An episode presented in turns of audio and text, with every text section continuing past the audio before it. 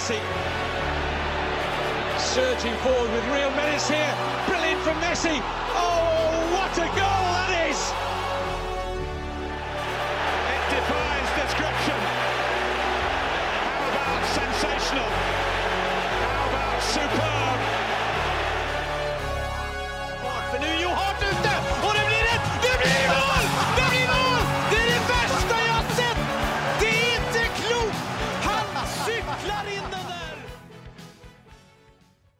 Ja Da kan jeg ønske velkommen til episode 186 av den eh, Er vi ikke på 187 nå?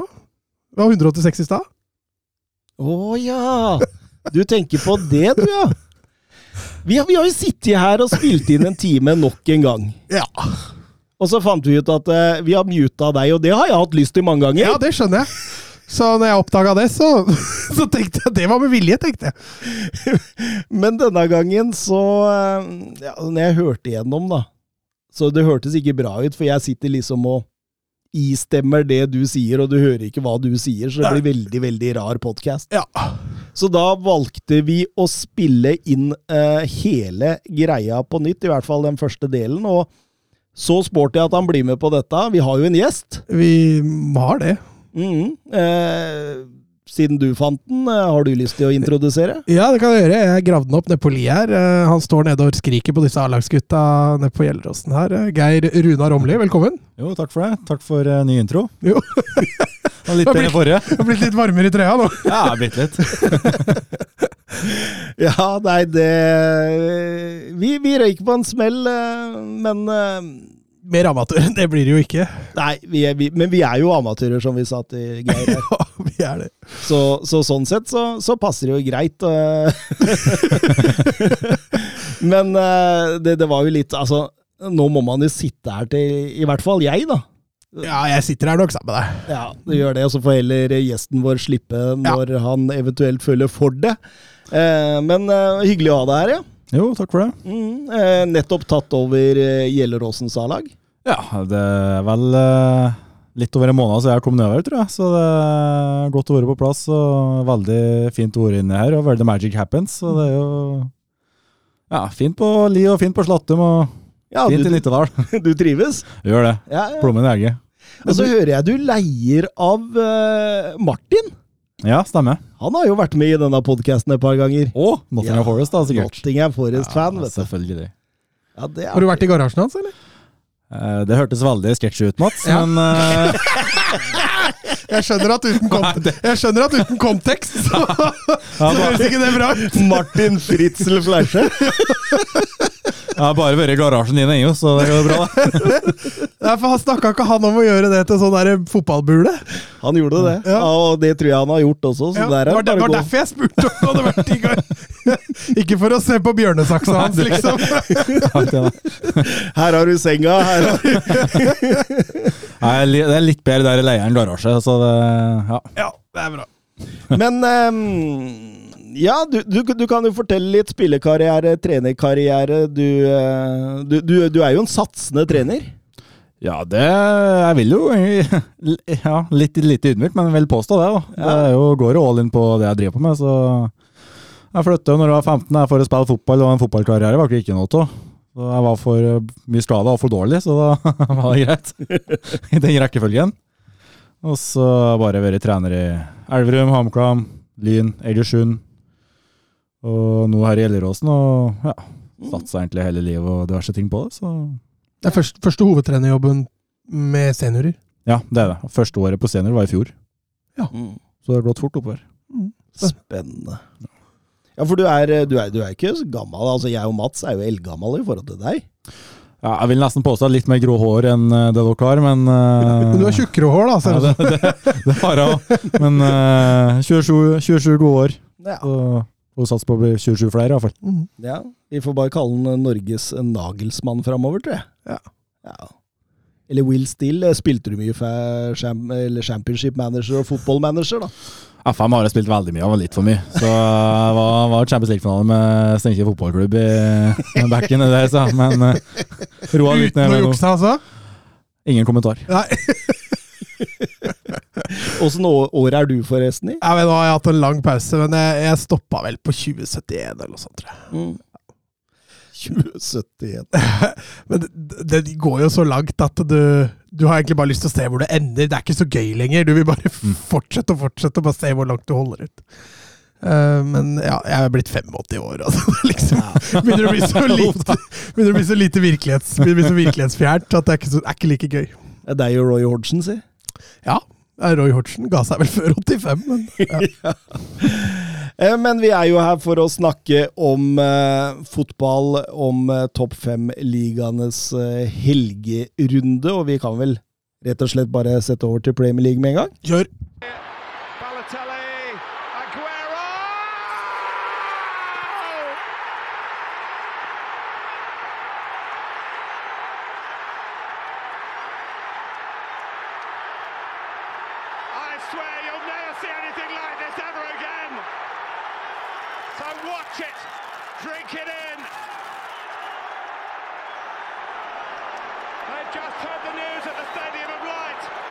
Og vi starter, eh, vi starter på brua, vi. Eh, London-oppgjøret Chelsea-Fulham. Det var optimisme igjen i Chelsea eh, etter tidenes shoppingtur.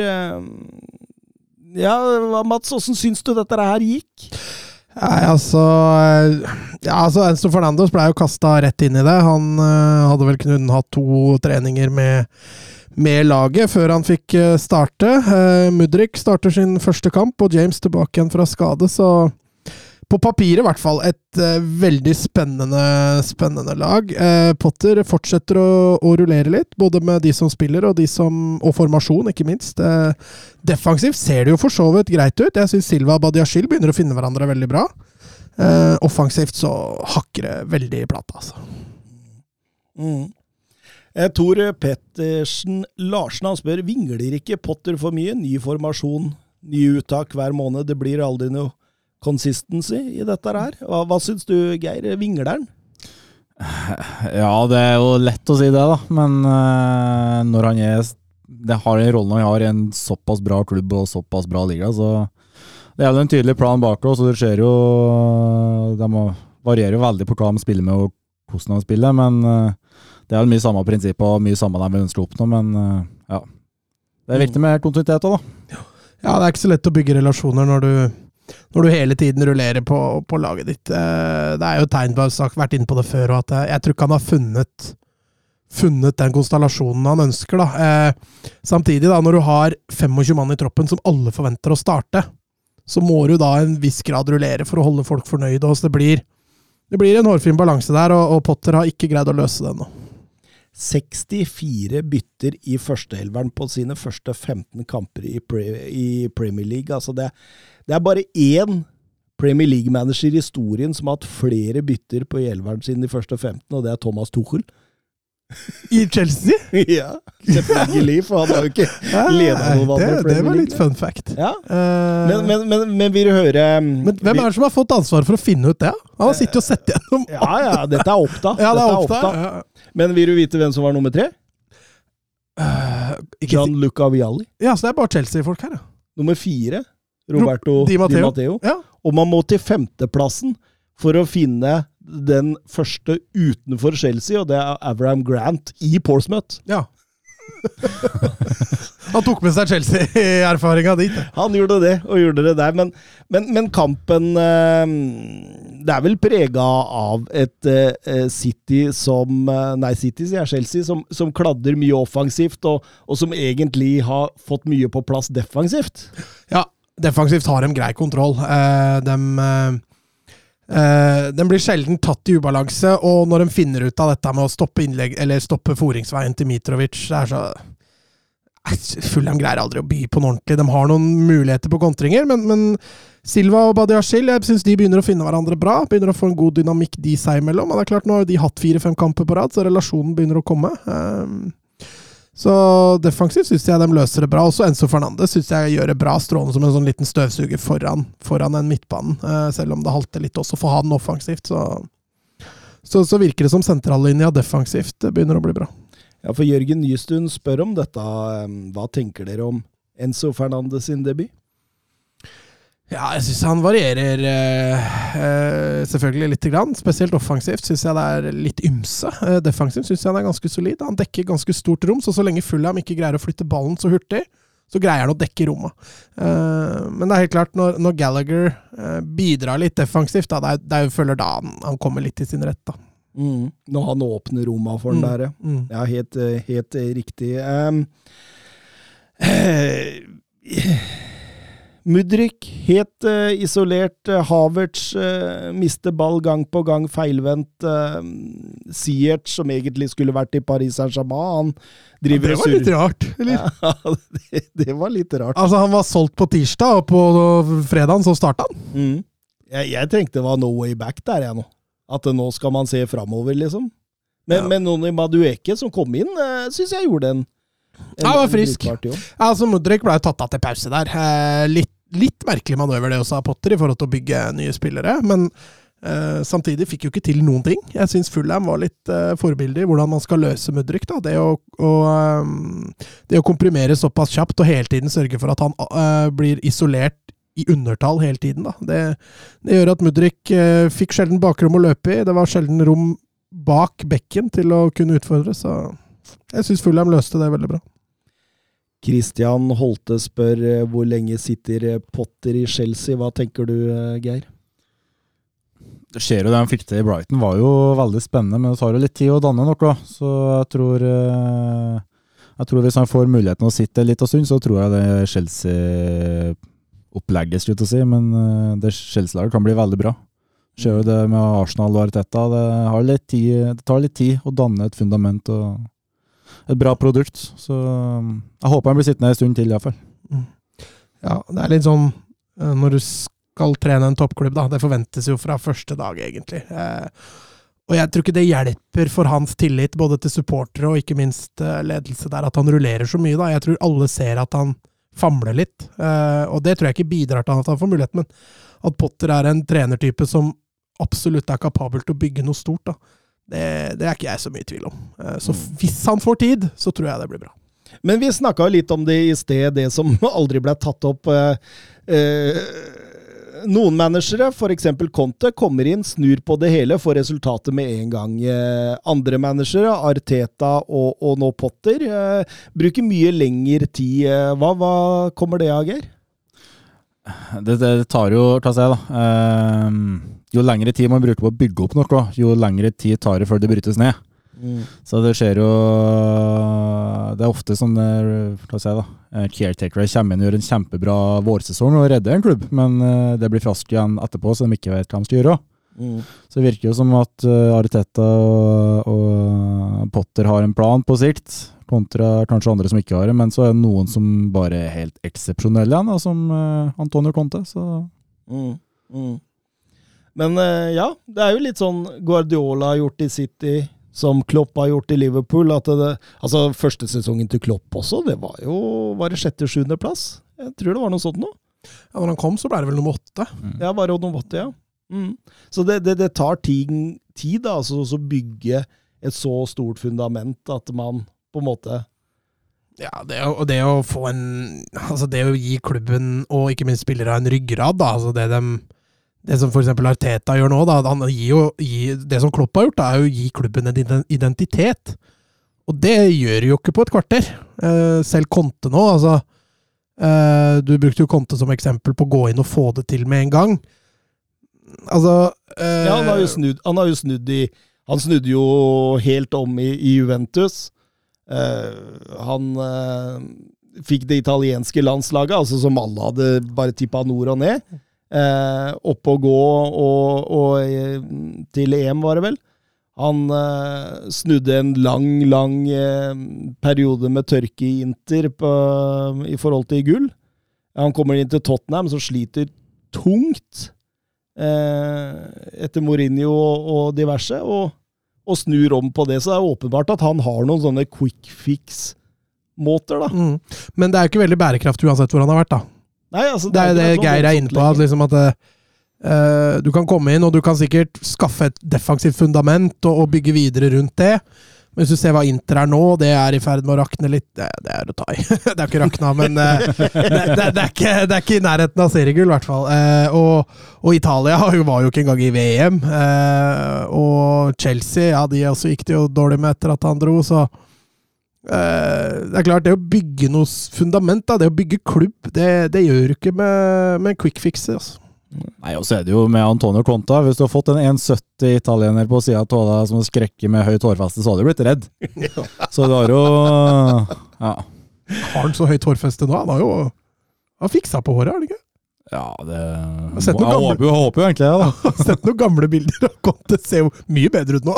Ja. Vi går over til eh, Everton mot eh, Arsenal, og eh, skal vi si Sean Dyche eh, masterclass? ja, det må vi jo si. Jeg tror ikke vi tar i engang, hvis vi sier det på den måten. Dette var eh, Han har fått til mye på kort tid eh, i Everton. Det er klart eh, eh, Sean Dyche-fotballen er jo egentlig ikke så veldig krevende i forhold til ferdigheter. Uh, det krever mest kanskje mentalt og fysisk. Og, og uh, han er helt klart satt i gang noe Satt i gang noe her nå. Ja, absolutt. Um, men, men, men når du setter opp en, en midtbanefemmer og en sentrallinje med Ducoré, Onana og Ghana, da, da, da veit du at du skal ut og slåss, og slåss, det gjorde dem, de dem egentlig eh, ødela mye av rytmen i Arsenal-angrepet der, altså. Ja, jeg syns, uh, syns de får det til uh, Altså forbilledlig, egentlig. Det var litt som å se Burnley i glansdagene. Her har han jo til og med bedre spillere. Uh, til og med spillere som er enda bedre på det han er god på, enn det han hadde i Burnley. Så at, eh, at han kommer til å få til noe her sånn, det, det er jeg ikke i, i tvil om, egentlig. Vi får se.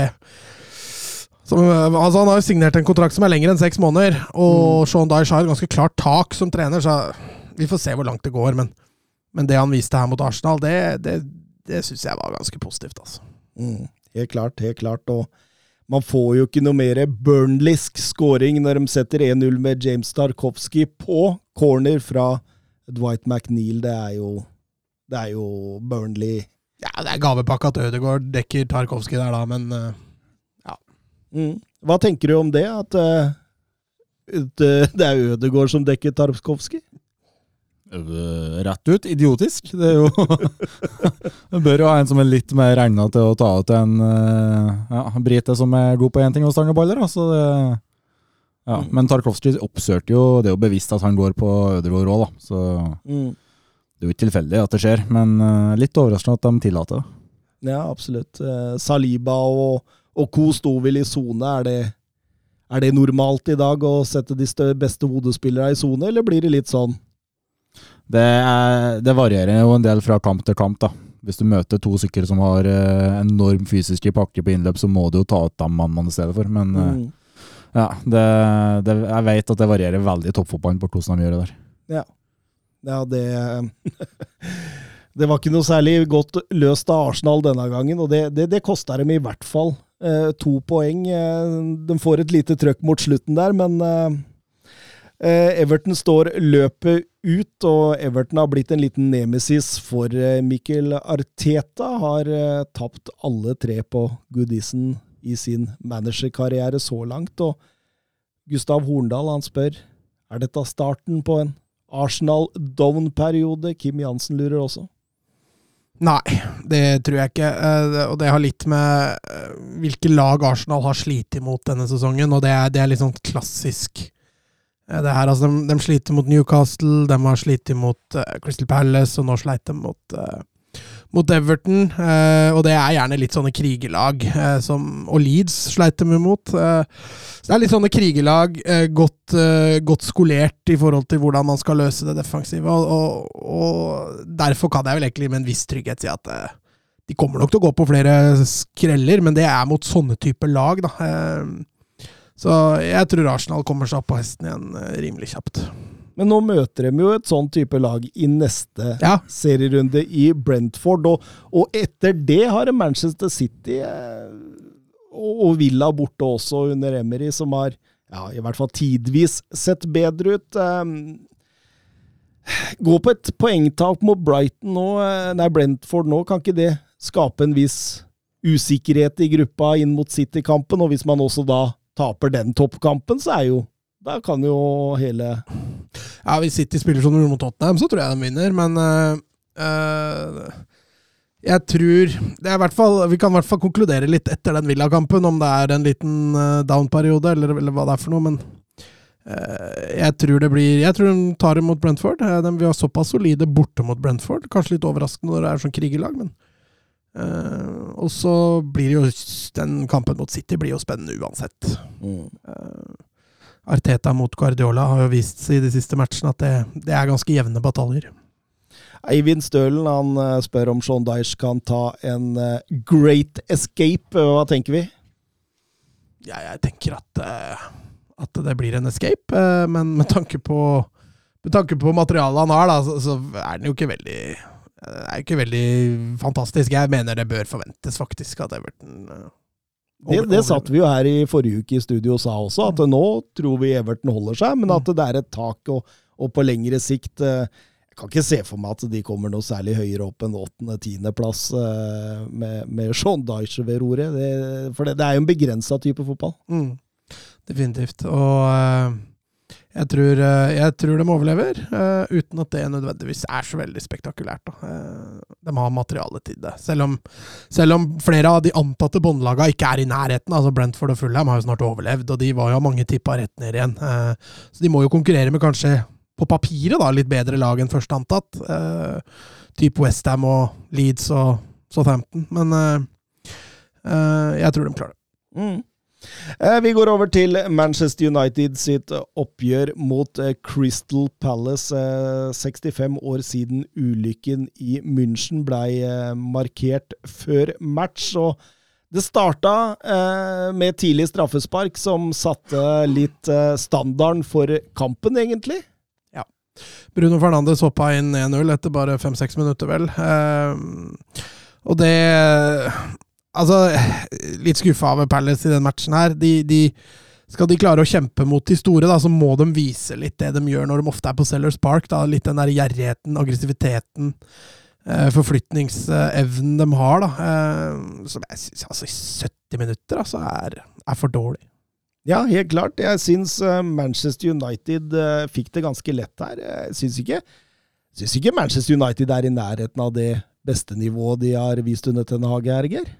Nei, men det er jo som alle fotballere, det varierer jo litt, da. Eh, og så er det jo uten tvil om at eh, Pelles hadde kanskje én plan, og det var å lime igjen eh, mest mulig lengst mulig. Så det, det er jo vanskelig å bryte ned noe sånt. Mm. Det, ja. Ja, absolutt. Men jeg, jeg, jeg jeg, jeg, jeg, sitter jo her og tenker eh, hele veien når skal denne kampen eksplodere, og når skal Crystal Palace gå opp i strupen på Manchester United? Fordi det, det, Du ble bare sittende og vente, og jeg, jeg, jeg syns at Manchester United der altså, eh, det, det, går liksom så labert i labert tempo og sånt, men det kan godt hende at det sneik seg inn en følelse om at dette har vi kontroll på pga. den tidlige 1-0-skåringen. Jeg veit ikke. At det hadde kanskje vært litt mer trøkk der hvis ikke den hadde kommet. Altså, nå har jo United vært veldig solide en god stund nå. Eh, med, for, med, med, litt sånn tempofotball offensivt, spesielt i, i kontringsspillet, men også, også, at de har vist fremgang også etablert. da. Eh, Rashford-skåringa er et glimrende eksempel på det. Eh, der bryter de jo ned et ganske lavtliggende Palace med fine vendinger, kjører overtall bredt, gjennombrudd, og plutselig er Rashford helt aleine midt foran keeperen. og Strålende skåring. Eh, Sånn at United viser jo også i kampen her, selv om de spiller på et, kanskje et litt lavere tempo enn det de vanligvis har gjort, at, eh, at de har noe, har noe, veldig bra på gang. Mm. Og eh, når United går opp til 2-0 der, så, um, så, virker jo kampen kjørt. Men så tenner det voldsomt til i minutta etterpå. Det er Slupp som sender Antony inn i reklamesiltene. Det er også en liten nedoverbakke i enden av gresset der som gjør at Antony får ekstra fart der. og Dommer deler ut et gult kort til hver av uh, spillerne, men det oppstår uh, en såkalt tumulter uh, etterpå der, og der er det Casemiro som, som, står i sentrum, og Jørn Henland han lurer på tankene rundt Casemiro sitt røde kort i denne situasjonen. Da, da, da, legger han til grunn for at Ayu, som også tar strupetak på, på Fred, ikke får det, og sjekka dem kun Casemiro, spør han? Eh, nei, det tror jeg ikke de gjorde. Men Casemiro sin syns jeg er eh, to hakk litt mer brutal. Altså, han tar jo to hender rundt halsen på, på Will Hughes der, og det, det ser jo Altså, jeg tror ikke han går aktivt inn for å kvele Will Hughes, det gjør han jo ikke, men, men, men det ser jo veldig brutalt ut, da, når Det, det ser ut som Homer Simpson Ja, han tar Bart Simpson. Det er litt det. Eh, Så det ser jo mye verre ut enn det det, det det er, og det gjør at det, det røde kortet er i mitt hode ganske klart. Og det som skjer da med Ajø der, det er jo at eh, Altså, jeg ser ikke at han tar det samme strupetaket. da, Det er litt mer tak i drakta og, og litt mer sånn opp i, opp i trynet på den, liksom. Mm. Skriver under det Mats sier her, Geir. 100% det, ja, Jeg syns det er så klink rødt det Casemiro gjør, at eh, det er ikke noe pusting bak øret og hviske igjen eh, gode ord. Der det, du, det du ser, i, skjer i øya på den brasilianske gutten at der er det eh, Det koker litt i topplokket, så få det bort. Morsom statistikk rundt Casimiro. Casemiro. Han har aldri fått et direkte rødt kort i en topp fem-liga før. og det er jo merkelig, vi som har fulgt Casemiro i Real Madrid, blant annet. Ja, det, han har jo økt eh, suspensjonsfrekvensen sin i United ganske kraftig siden han gikk dit. Eh, så han har jo tydeligvis sluppet ganske billig unna i Real Madrid, for han har jo ikke forandra spillestilen sin noe voldsomt etter at han kom til United, så Kanskje det slås oftere og hardere ned i Premier League enn det det gjør andre steder. Det, ja, Statistikken tilsier jo ikke det, siden Premier League er vel den ligaen vi følger som har desidert færrest røde og gule kort. Ja, kanskje skittenheten hans kommer frem mer i lyset, da. Det kan godt hende. Blir satt mer på, på, på spissen her. Eh, Så du forresten at han var ute og sa at Casimiro har vært feilskrivet i alle år? Eh, Han heter Casimiro med i istedenfor e så på drakta, men det, men det er av gammel vane, så bare har han det. Ja. Mm. En liten fun fact. Ja, ja, ja. Ehm, Jeffrey Slupp han skåresetter 2-1 der, og, og eh, Crystal Palace eh, øyner plutselig poeng eh, 11 mot 10. Og Erik Den Haag hiver jo innpå alt han har av defensivt der for å, for, å, for å demme opp og rett og slett ta poengene i land. Gjør, vel, gjør vel det som må gjøres. Ja, vi har sett det før da, blitt en trend også for Ten Hag å, å, å vise litt mer kynisme. Altså, en mann mindre leder med en goal. Altså, det, det skjønner til og med de, de mest innbitte offensive United-fans at det er forståelig. Eh, men det vi har, har sett tendensen nå fra Ten Hag, at han, han gjør det ofte når, når lagene blir litt baktunge og det kun er en ettmålsledelse. At han blir litt mer kynisk. Plutselig får Maguire og Lindeløv inn der og, og, og får inn en tredje stopper. og nå gjør Palace sin innleggs... eh, hva skal vi si innleggstrussel da, blir litt mer nøytral. Når du gjør det der, så, så tar de egentlig litt brodden ut av en eventuelt sluttspurt fra Palace. Mm. Så Ten Hag har lært seg Premier League nå, eller er det fortsatt en, en tilvenningsperiode her? Eh, jo, det er det jo selvfølgelig, men, men altså, vi tenker tilbake etter Brentford og, og, og Brighton og, og starten han hadde, da, så er det, det er, jo- de spiller jo på mye mindre risiko nå. Eh, han har jo skjønt at dette går ikke. Eh, sånn at han har jo lært. Eh, så får vi se da hvor langt, hvor langt han tar denne lærdommen. Eh, så lenge United vinner og er i toppkampen, så tror jeg United-supportere akkurat i øyeblikket er fornøyd, i hvert fall. Eh, Hva tenker du om Ten Hag? Tror du det er mannen som løfter United til nye høyder? Ja, Kjempetrua på Erik Ten Hag, på alt han står for, egentlig. Det, det, ser, det, tatt, eh, det tok litt tid før han kom fram i lyset, men eh, alle prater jo varmt om eh, guttungen, for å kalle han det. Da, så det var morsomt å se han lykkes på topp, topp, topp nivå òg, rett og slett. Er du United-supporter? Det er nei. det var klart svar.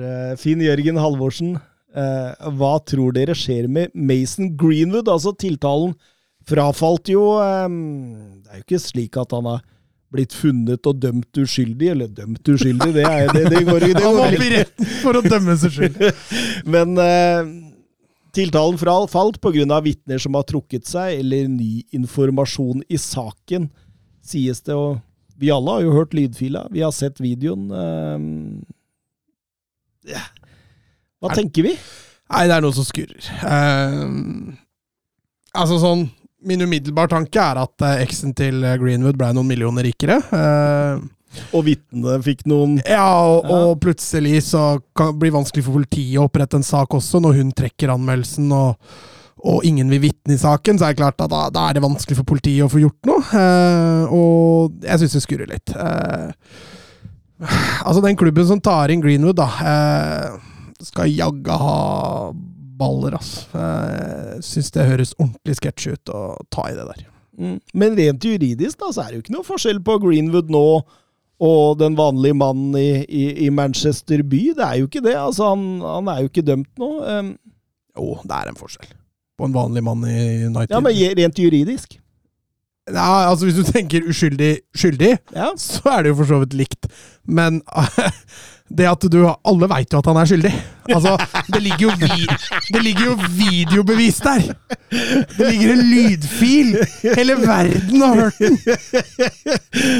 Den vanlige mannen i gata er ikke utsatt for sånt. Hvis du skjønner hva jeg mener. Ja, nei, det, det var Mats sine ord. men men um, det kom jo noen dilemmaer, da. Jeg, jeg så han hadde skrevet Manchester United inn igjen på Instagram-profilen sin. Det betyr at han har i hvert fall en forventning om at han skal fortsette der det slapp. Og så er det jo spørsmål om Manchester United våger det. Hva tenker du for omdømmet til Manchester United, Geir, hvis, hvis de gjør det? Er, det- er det en risiko her? Ja, Det ville overraske meg veldig om de tillater det. Jeg skal være så ærlig å si at jeg kjenner ikke historien så hjertelig godt, men eh, jeg ser for meg den spillergruppa, den klubben og fansen eh, ikke tar så veldig godt imot det, hvis han kommer inn i varmen igjen. Nei, det, det, og jeg tenker jo også stakkars jævel som skal gå rundt på rundt omkring på Englands bortebane rundt omkring, og dra til Dra til Emirates og dra til Goodison og, og dra til Etiad. Goodison. Goodison. Uh, ja, nei, altså, jeg hører jo åssen de behandler Thomas Party. Uh, han får jo som regel Søraflagrer, han på bortebane. Uh, og Mason Greenwood er vel Ja Minst like skyldig, da, for å si det, for å si det sånn. Så han kommer jo selvfølgelig til å få høre det, og det Det er deilig at vi har dømt Mason Greenwood i podkasten her, liksom. Han fikk ikke dommen sin i, i Men vi hadde. Nei, men altså, Det er jo den videoen og lydfila og alt da, som gjør at uh, jeg føler meg rel... Altså, jeg har vært veldig forsiktig med å dømme folk som ikke har blitt dømt. Så, og jeg skal, ikke, jeg skal ikke sitte her i bresjen og si at Greenwood aldri fortjener ditt og datt igjen, for, for han er jo strengt tatt uskyldig, sånn som du påpekte.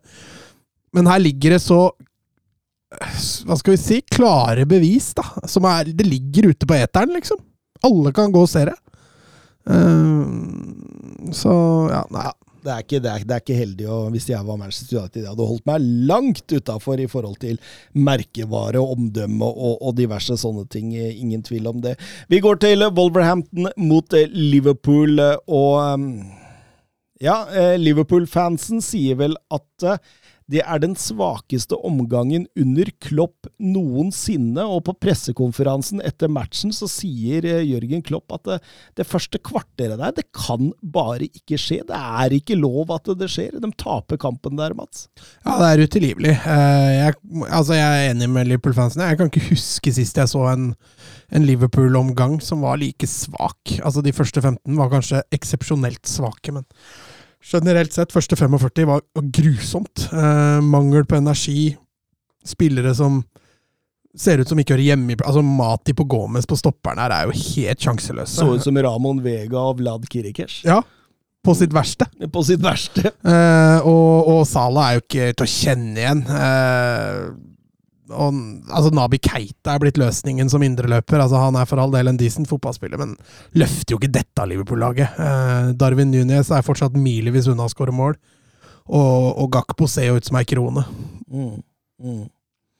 Ja, nei, det, det Det er jo historien igjen. det. Null intensitet, eh, null trykk, null eh, press, null Altså, alt Ja, altså, ligger på null, altså. Altså tilstedeværelse. Altså, det er, det er, jeg syns egentlig bare Tiago og til dels Allison som, som virker Jo, Robertson da, for så vidt. Han også har litt eh, Som virker å ville dette her. Resten er jo, går jo og gjemmer seg. eh, er, ikke noe, er ikke til stede. eh, og du ser Liverpool vinne ball, altså kvaliteten i det de gjør når de går framover. eh, og som du er inne på, intensiteten i alt de gjør, er jo borte. Mm. Så nei, det er, skummelt å se på, egentlig. Bedrer seg selvfølgelig noen hakk i annen omgang der, men likevel, de får en overgang på seg etter at Bajsecic mister ballen der, og, og, og 3-0 sitter, og da, da, er jo kampen kjørt. og eh, August Landstad han spør eh, hva tenker dere om oppførselen til Klopp? Da tenker han jo på Ja, etter kampen? Ja. Nei, eh, er ikke det litt klassisk Kloppa? Eh, en av de dårligere taperne som er i Premier League når det gjelder managere. Eh, tror ikke han er så ålreit å ha med å gjøre når det går dårlig. Verken som journalist eller spiller. Nei, altså Han nekta jo å snakke med, med, med James Pearce, som er eh, Ja, han er jo en garva Liverpool-journalist, egentlig. Eh, Var åpenbart irritert på hva han har skrevet den siste tida, og, og nekta å svare på spørsmål om eh, ja, det mentale rundt dette i Liverpool. Eh, Ba heller en, en kollega av James Pearce om å, å stille det spørsmålet, så skulle han svare. Det er jo det er jo så barnslig. Du kan jo le deg i hjel. Og- og du ser han ser prega ut. eh, Ser liksom litt sånn At han, han, han leiter så etter svar, og han finner ikke svar. Han er, han er helt ferdig nå. Ja, nei, jeg, jeg står fortsatt ved at jeg tror han er Jeg tror ikke han er enkel å ha med å gjøre når det går dårlig. Det har vel Søren også nevnt et par ganger i denne podkasten, han som har fulgt den gjennom Mainz og, og Dortmund og, og hele pakka. Um, Oskar Caveio Holm, nå må det være lov å spørre, selv for en garvet Liverpool-supporter som meg, er Klopp riktig mann til å snu det? Hva tenker du? Det vil jeg påstå at han er, men eh, da er det ekstremt viktig at han har med seg klubben på det de skal gjøre. Eh, så det, det er jo som du sier, at det er jo identiteten deres er jo intensitet. Og nå er jo ja, intensiteten de viser i kampene, er jo ansatt fotball på BK for tida, så det er litt uh, begrensa hvordan de kan uh, Noe må gjøres, men det må gjøres felles, og jeg tror at egentlig Klopp er riktig mann til å gjøre med teamet sitt. Mm.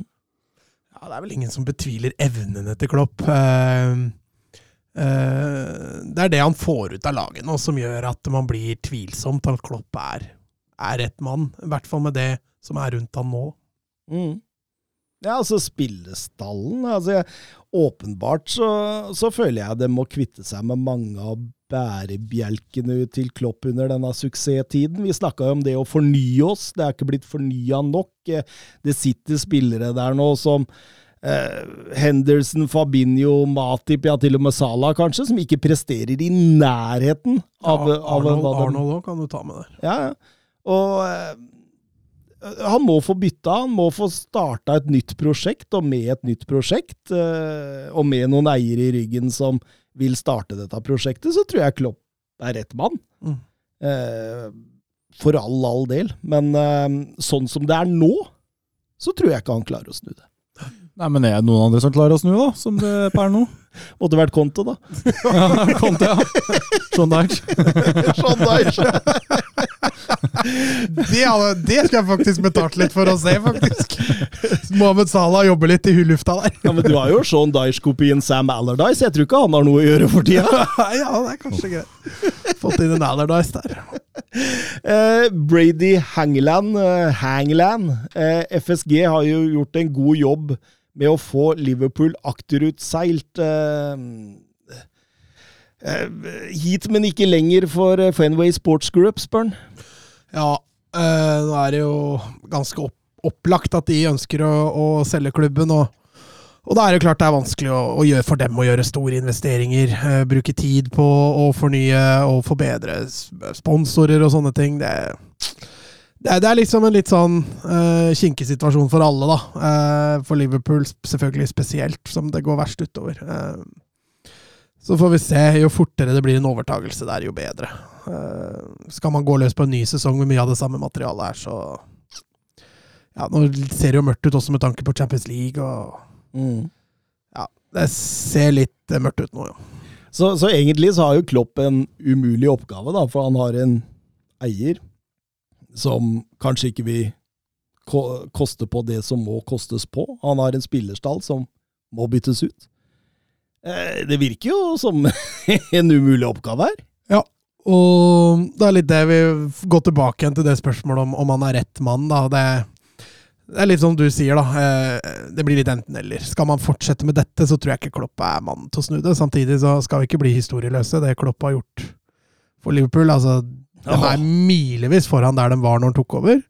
Eh, og, og han skal ikke kappes for det, liksom. Eh, så det er litt sånn Søren har vært inne på tidligere, at eh, han kan fint finne på å gå sjøl når sesongen er over. Hvis, hvis det ikke blir noen løsning på, på klubbeier. Rett fra hodet ditt, vi har diskutert det i, i, i podkasten her tidligere. De tre beste managere i verden, så slik du ser det. Arnslotti, Guardiola og ikke Stefano Pioli, bare for å si det. Eh, Mauricio Sarri. Oi, oi, oi. Jeg, Hørte du Angelotti? ja. Vi, vi har jo egentlig det, det Der fikk du ikke med deg Søren og meg. Nei? Ikke i det hele tatt, faktisk. Nei, nei, nei. Ja, det er overraskende. Men, men, jeg, men jeg, jeg, jeg kan ikke huske lista vi hadde. nei men vi hadde topp fem. Ja, Og der var ikke Angelotti med. Jeg ville ha med Angelotti på femte, tror jeg. ja du ville det. Ikke Angelotti på topp fem? Nei, jeg tror Ja, Vi var Nagelsmann, Klopp, eh, Guardiola, Conte eh, eh, Hvem var siste der, da? Var det Simione? Kan ha vært Simione, ja. Det håpa jeg var mange år siden. Nei da, det er ikke så lenge Ikke? siden. Mm. Nei, det er ikke så lenge siden. Disser du, disser du oss her nå, eller? Nei, jeg bare Simone. Nei, for mitt argument Hvis- Hvis Klopp ser fortapt ut, så ser jo Simone veldig fortapt ut. ja. eh, Men eh, mitt argument på Angelotti var jo i forhold til hva han har vunnet. Eh, han har jo vunnet alle de store ligaene. Mm. Men, Ja, men argumentet der var vel også at han imot Mm. Var vel også at han stort sett hatt de beste laga. Ja, Og så har han ikke fått all verden i Everton og Napoli, var vel det som var ja. Men eh, ja, nei, for all del, det Men det- Sarri, der ble jeg litt overraska òg. Ja, jeg er litt småforelska i den eh, Sarri-ballen, for å bruke det okay, okay. uttrykket der, fra Napoli 2016 til ja, Mm. Når det nå var, med Hossertalle Hån og Insigne og Og snart ser vi deg nede på Li med sigarettstump i Ja, ja. Ja. Suverent.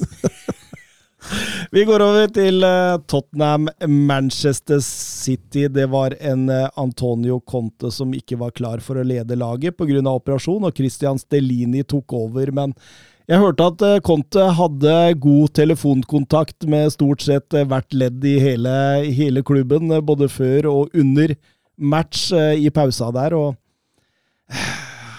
det, det var jo et, et Conte-preg, og det var jo åpenbart det at eh, at, eh, at det, det var sånn vi trodde det skulle bli, sånn kampen så ut. Mm. Ja, det var City som gikk ut og dominerte ballinnehavet. Litt på Altså, det var ikke Tottenham imot det. De kontrollerte det sånn sett.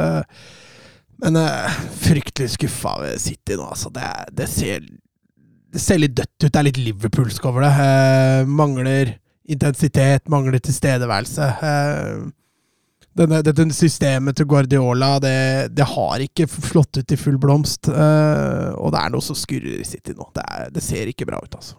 Mm. Altså jeg synes, For all del skal ikke ta fra Tottenham noe som helst, men Tottenham spiller ikke noe outstanding fotballkamp.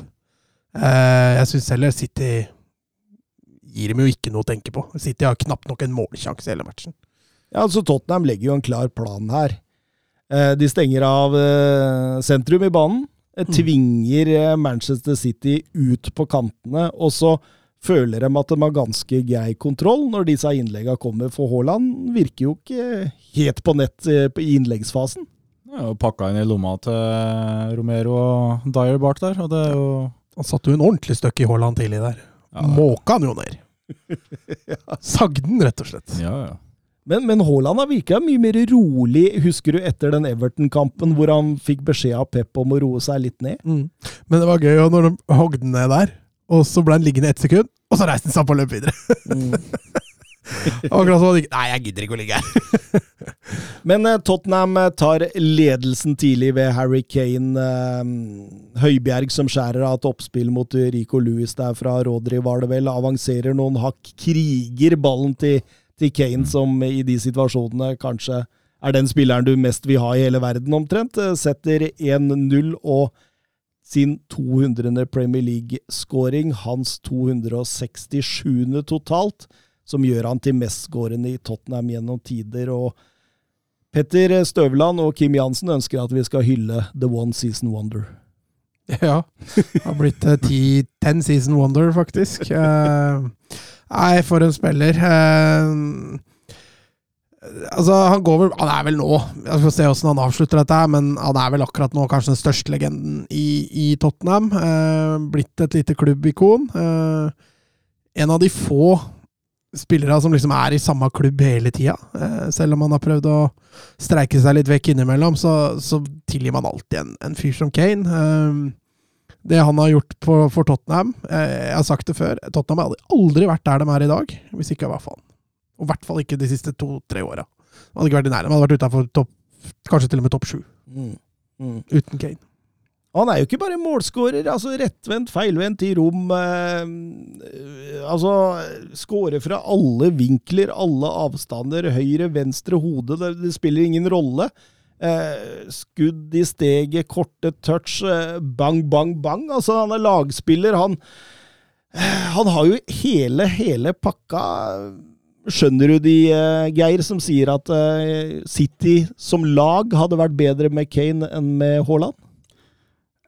Både òg. Det er veldig lett å si nå, da. Men ta se City de første seks-sju kampene i år, når Haaland bøtta inn mål som bare det, så blir feil å si det. Men jeg syns det er veldig merkelig at ikke Harry Kane er blitt nevnt blant de eh, verdens beste spillerprisene som utgår, og i hvert fall spisser-kategorien der. Så jeg er personlig veldig sansen for Kane, og syns Haaland er mer begrensa enn Kane. er. Mm. En allrounder, Mats. Ja, ja, ja, han har blitt det. Han, han var ikke det.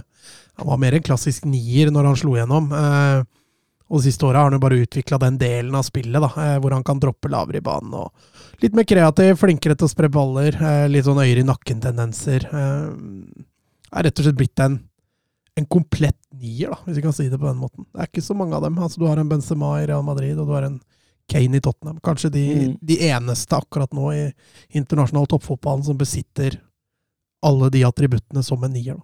Ja, det, det tenker jeg òg. De mest komplette typene, liksom.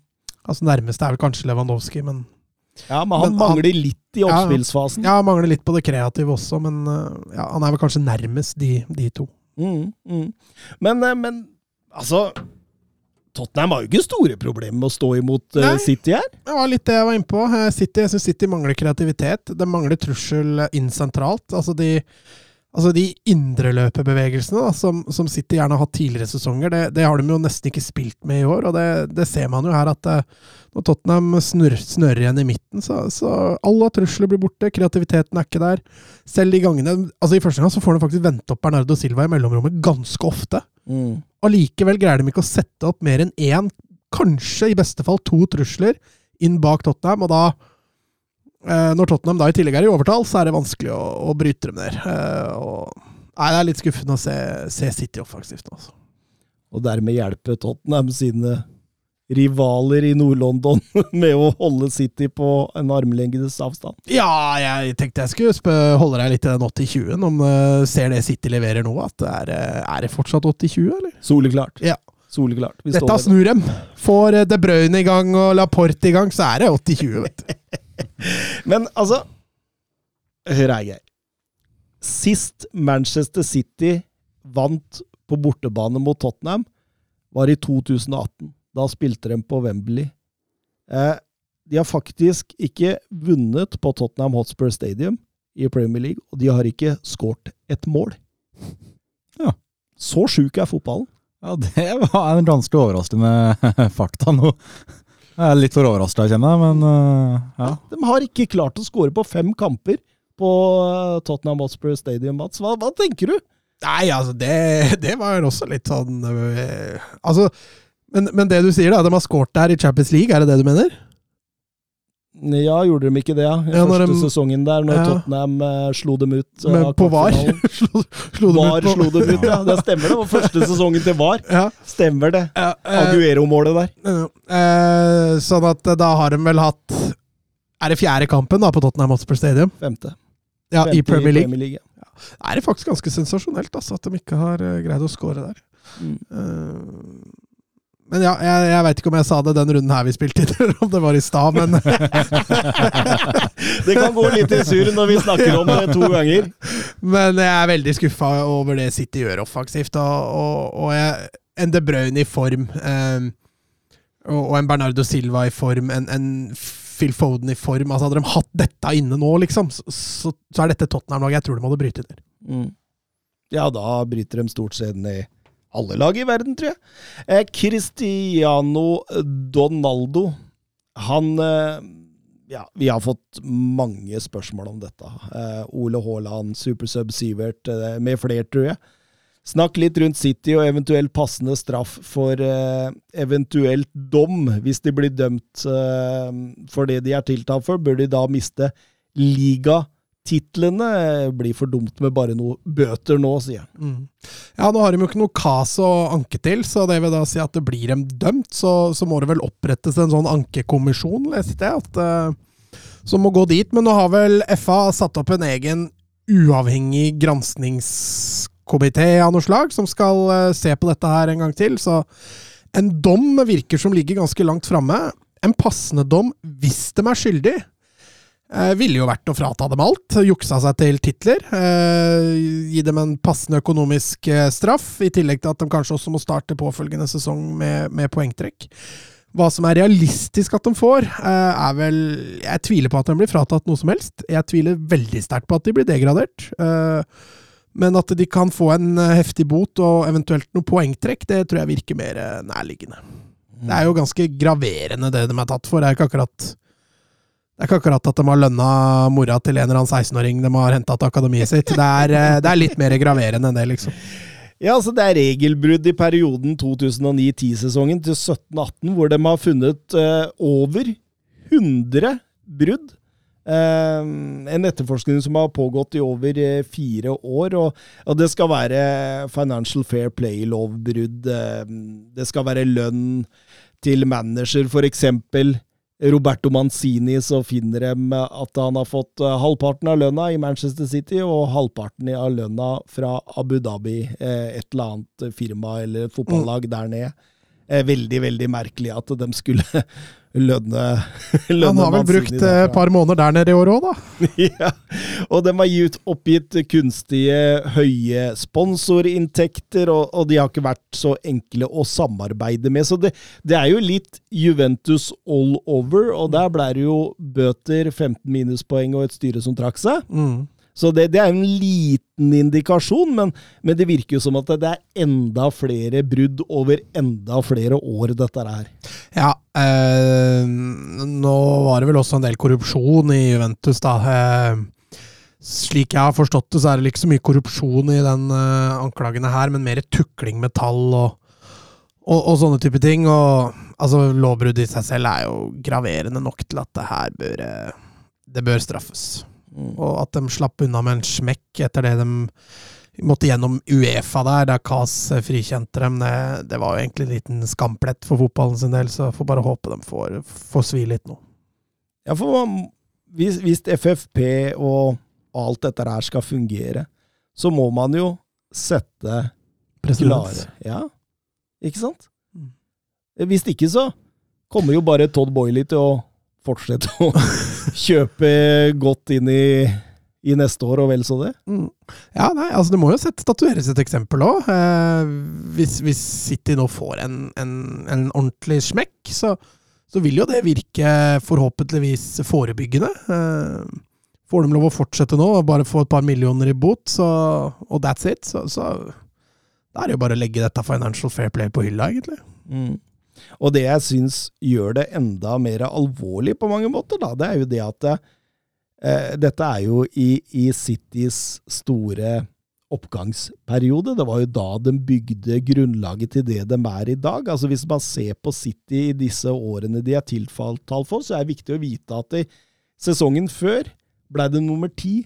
40 poeng bak Manchester United, så det er, det er et vesentlig stykke opp her. Eh, Første sesong de er, eh, er eh, tiltalt for, altså 09-10-sesongen, ble det nummer fem. Altså de klatra. Og så starter det nummer tre, én, to, én, to, fire. Der kom eh, siste sesongen til Pellegrini. 3-1, som igjen nå da i nyere tid har gitt fundament til tre nye seriegull. Så det, det er jo åpenbart her at dette har hjelpa godt på. Ja da, jeg så det var mange som var ute og trolla allerede med at Solskjær plutselig var blitt Premier League-mester, og Mourinho hadde tatt et Premier League-gull. og... Steven Gerrard får endelig gullet sitt i Liverpool! så, men eh, nei, jeg tror, jeg, jeg tror, ikke det vil skje. Men, men, jeg er jo helt enig med deg, og det er derfor jeg mener at juks må jo straffes. Altså hvis da ta individuell idrett, da, som ble blei jo tatt i doping. Han strippa dem jo for alt. Mm. Um, men så er det jo dette der at det, som, som, jeg tror du var inne på i forrige podkast, at, uh, at de har et produkt de skal ta vare på her. Og, å straffe City for hardt vil jo skade produktet, og det er vel det som gjør at de slipper i gåseøyne billigere unna enn det de bør. da. Mm. Men over til det sportslige igjen, da. Fred, uh, Fredbjørn Fredbjørn Holmheim? Vebjørn Fredheim. Uh, hvorfor benkes KDB nå? Altså Kevin De Brønne. Hva skjer med Dias Laporte i lys av Cancelo-saken? Hva, hva, tror du, Geir? Nei, Det må egentlig være noe innad i, mellom trener og spillere som uh, kolliderer, litt som det var med Jordan Zell før han dro til Bayern München. Så det er litt, litt, overraskende at han benker en Jeg mener jo Kevin De Bruyne er en blant de beste spillerne i hele verden. Uh, unntatt når han spiller for Belgia, vel det merke. Ja. Men uh, da, da, er det mange som er dårlige, faktisk, når de spiller for Belgia. Ja, egentlig alle er dårlige. Ja, ja. det, men uh, nei, det er litt merkelig, spesielt mot kamp mot Sitter. De vet de, blir, de møter et lag som ligger lavt, og så benker en, kanskje den beste boksåpneren i hele verden ut av Mesut Özil prime, så det er litt, mm. er litt overraskende. Ake har gjort jobben bra. Uh, siden Laporte ble satt litt ut, men uh, ja, som sagt, litt overraska. Mm. Og hvorfor brukes ikke Gundogan mer, Mats? Hvor er Phil Foden for tida? Det er, det er mange spørsmålstegn som Ja, altså, De Bruyne er, den er vanskelig å svare på, fordi han er åpenbart i matchform. At han er i veldig god form, er jo mer tvilsomt med tanke på hva han leverte i den kampen, og hva han har levert i kampene før. Men altså, en De Bruyne i form han skyldte vel på det var det taktiske Guardiola før kampen, at han ikke starta. Det, det er jo åpenbart tull og tøys. Altså, mm. eh, De Bruyne starter for hvilket som helst lag i hele verden, så lenge han er i kampform. Eh, så, og Foden har jo ikke vært seg sjøl siden før VM.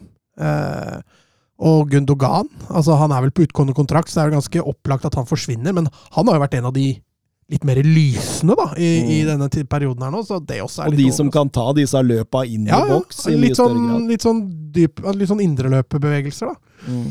Eh, Diaz har jo vært lenge ute av laget, så var ikke så overraskende at han ikke starta, men, men Laporte òg eh, Nei, det er noe som skurrer, og, og det kommer ikke noen foreløpige meldinger ut derfra, men, men, alle disse stjernene holdes på benken, det, og Cancelo, da, som, som ble utlånt. Det er, var inne på det i stad, det er noe som mangler i City nå.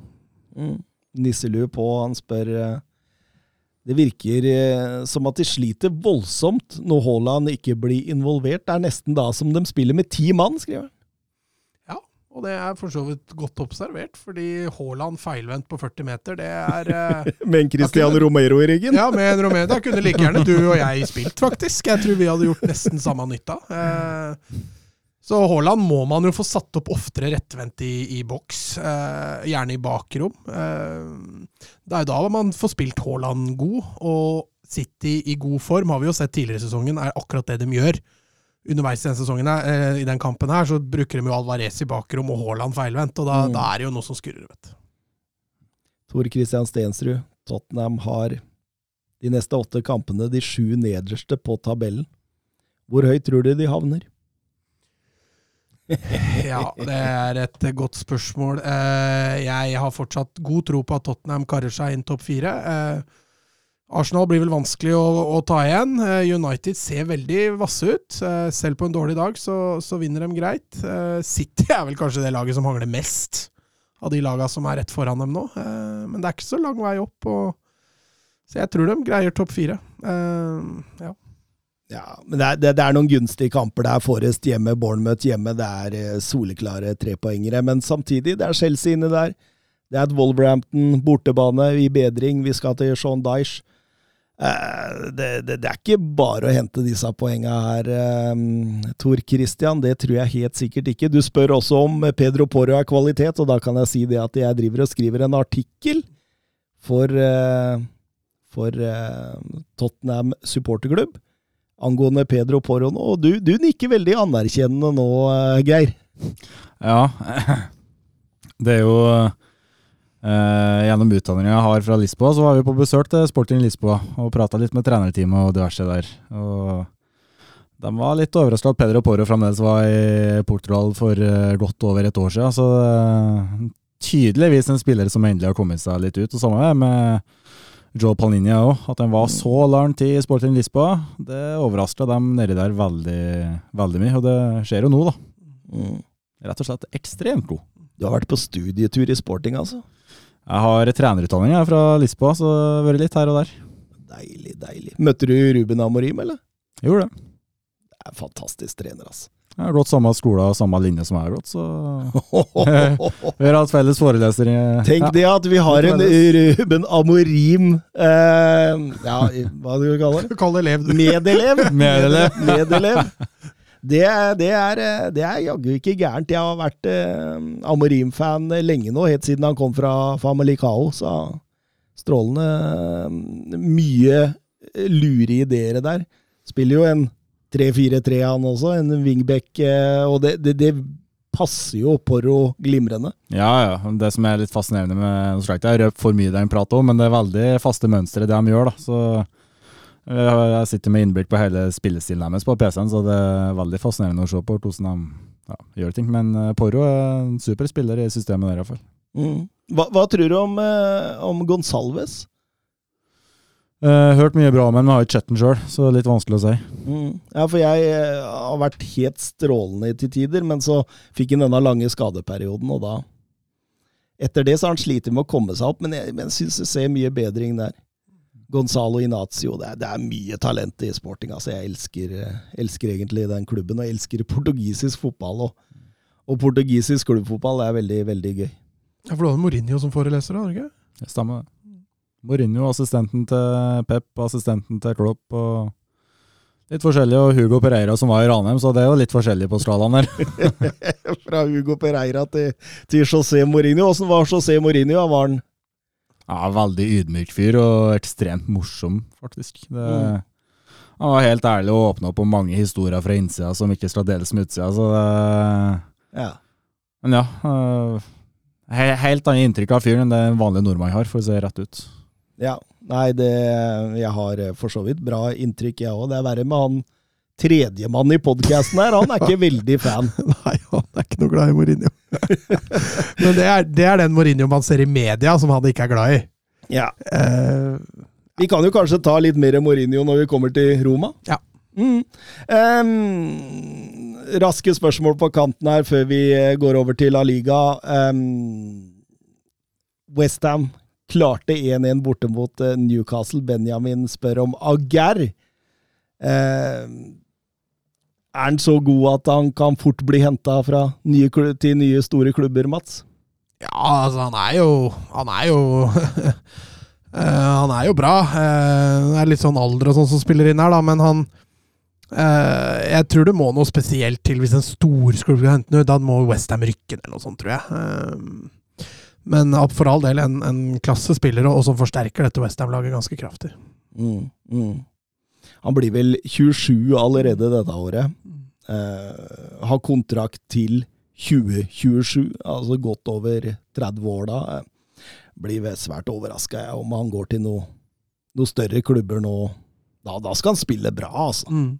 Altså, han går inn i sin beste periode sånn statistisk sett. Altså Man får jo se Chelsea har jo mye penger å splatte, så vi får se om de legger inn noen milliardbud, men eh, Nei, da må det skje noe spesielt, tror jeg.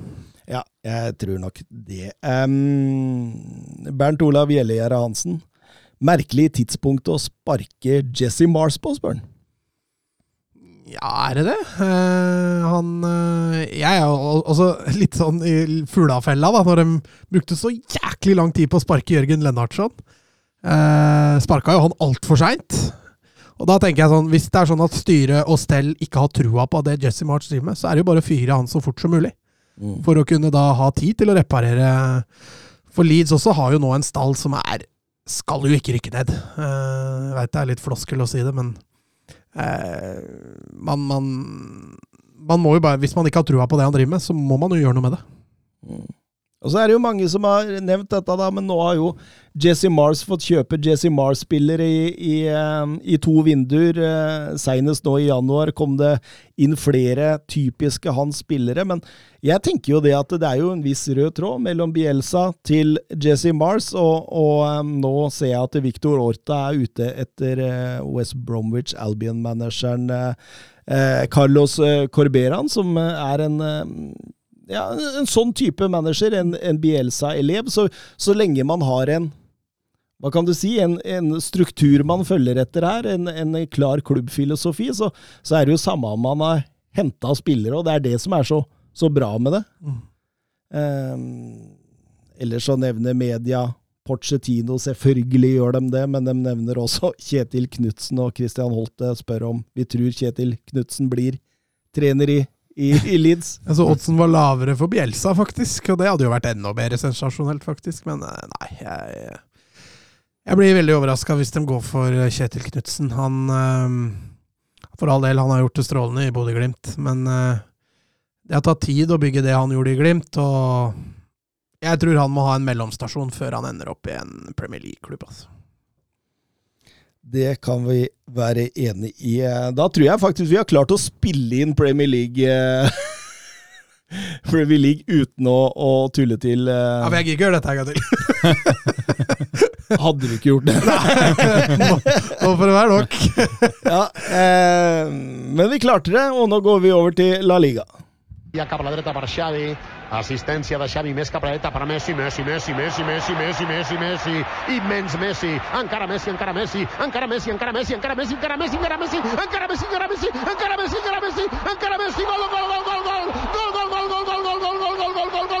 gol, gol, gol, gol, gol, gol, gol, Og vi begynner med Atletico Madrid mot Getafe. Og det var en ærlig Kiki Sanchez Flores før kampen. Han var inne på at klubben var i en tung, tung periode. At det ikke kom inn nye spillere i januar, og det var halvveis kritikk rundt sportslig ledelse der. Og sa også at enkelte av spillerne mine ønsker ikke å være her. Da, da, da blinker det noen røde lys i Getafe.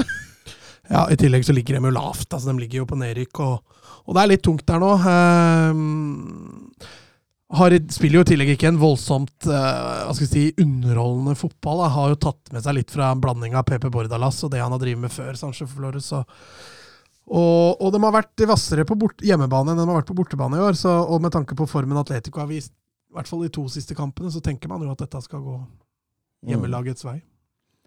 Ja, absolutt. Ikke den beste underholdningen uh, vi, vi, vi, ser her. Det er forferdelig, faktisk. Uh, du reagerte veldig når jeg sa at Diego Simione var en av, av topp fem i verden her.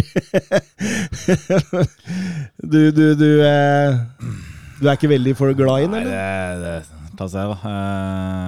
det er en av gutta vi har på Gjelleråsen som sa han ble varm i bamsen av å se Simone-fotball forsvare seg, men Nei, ikke helt der, nei. Det,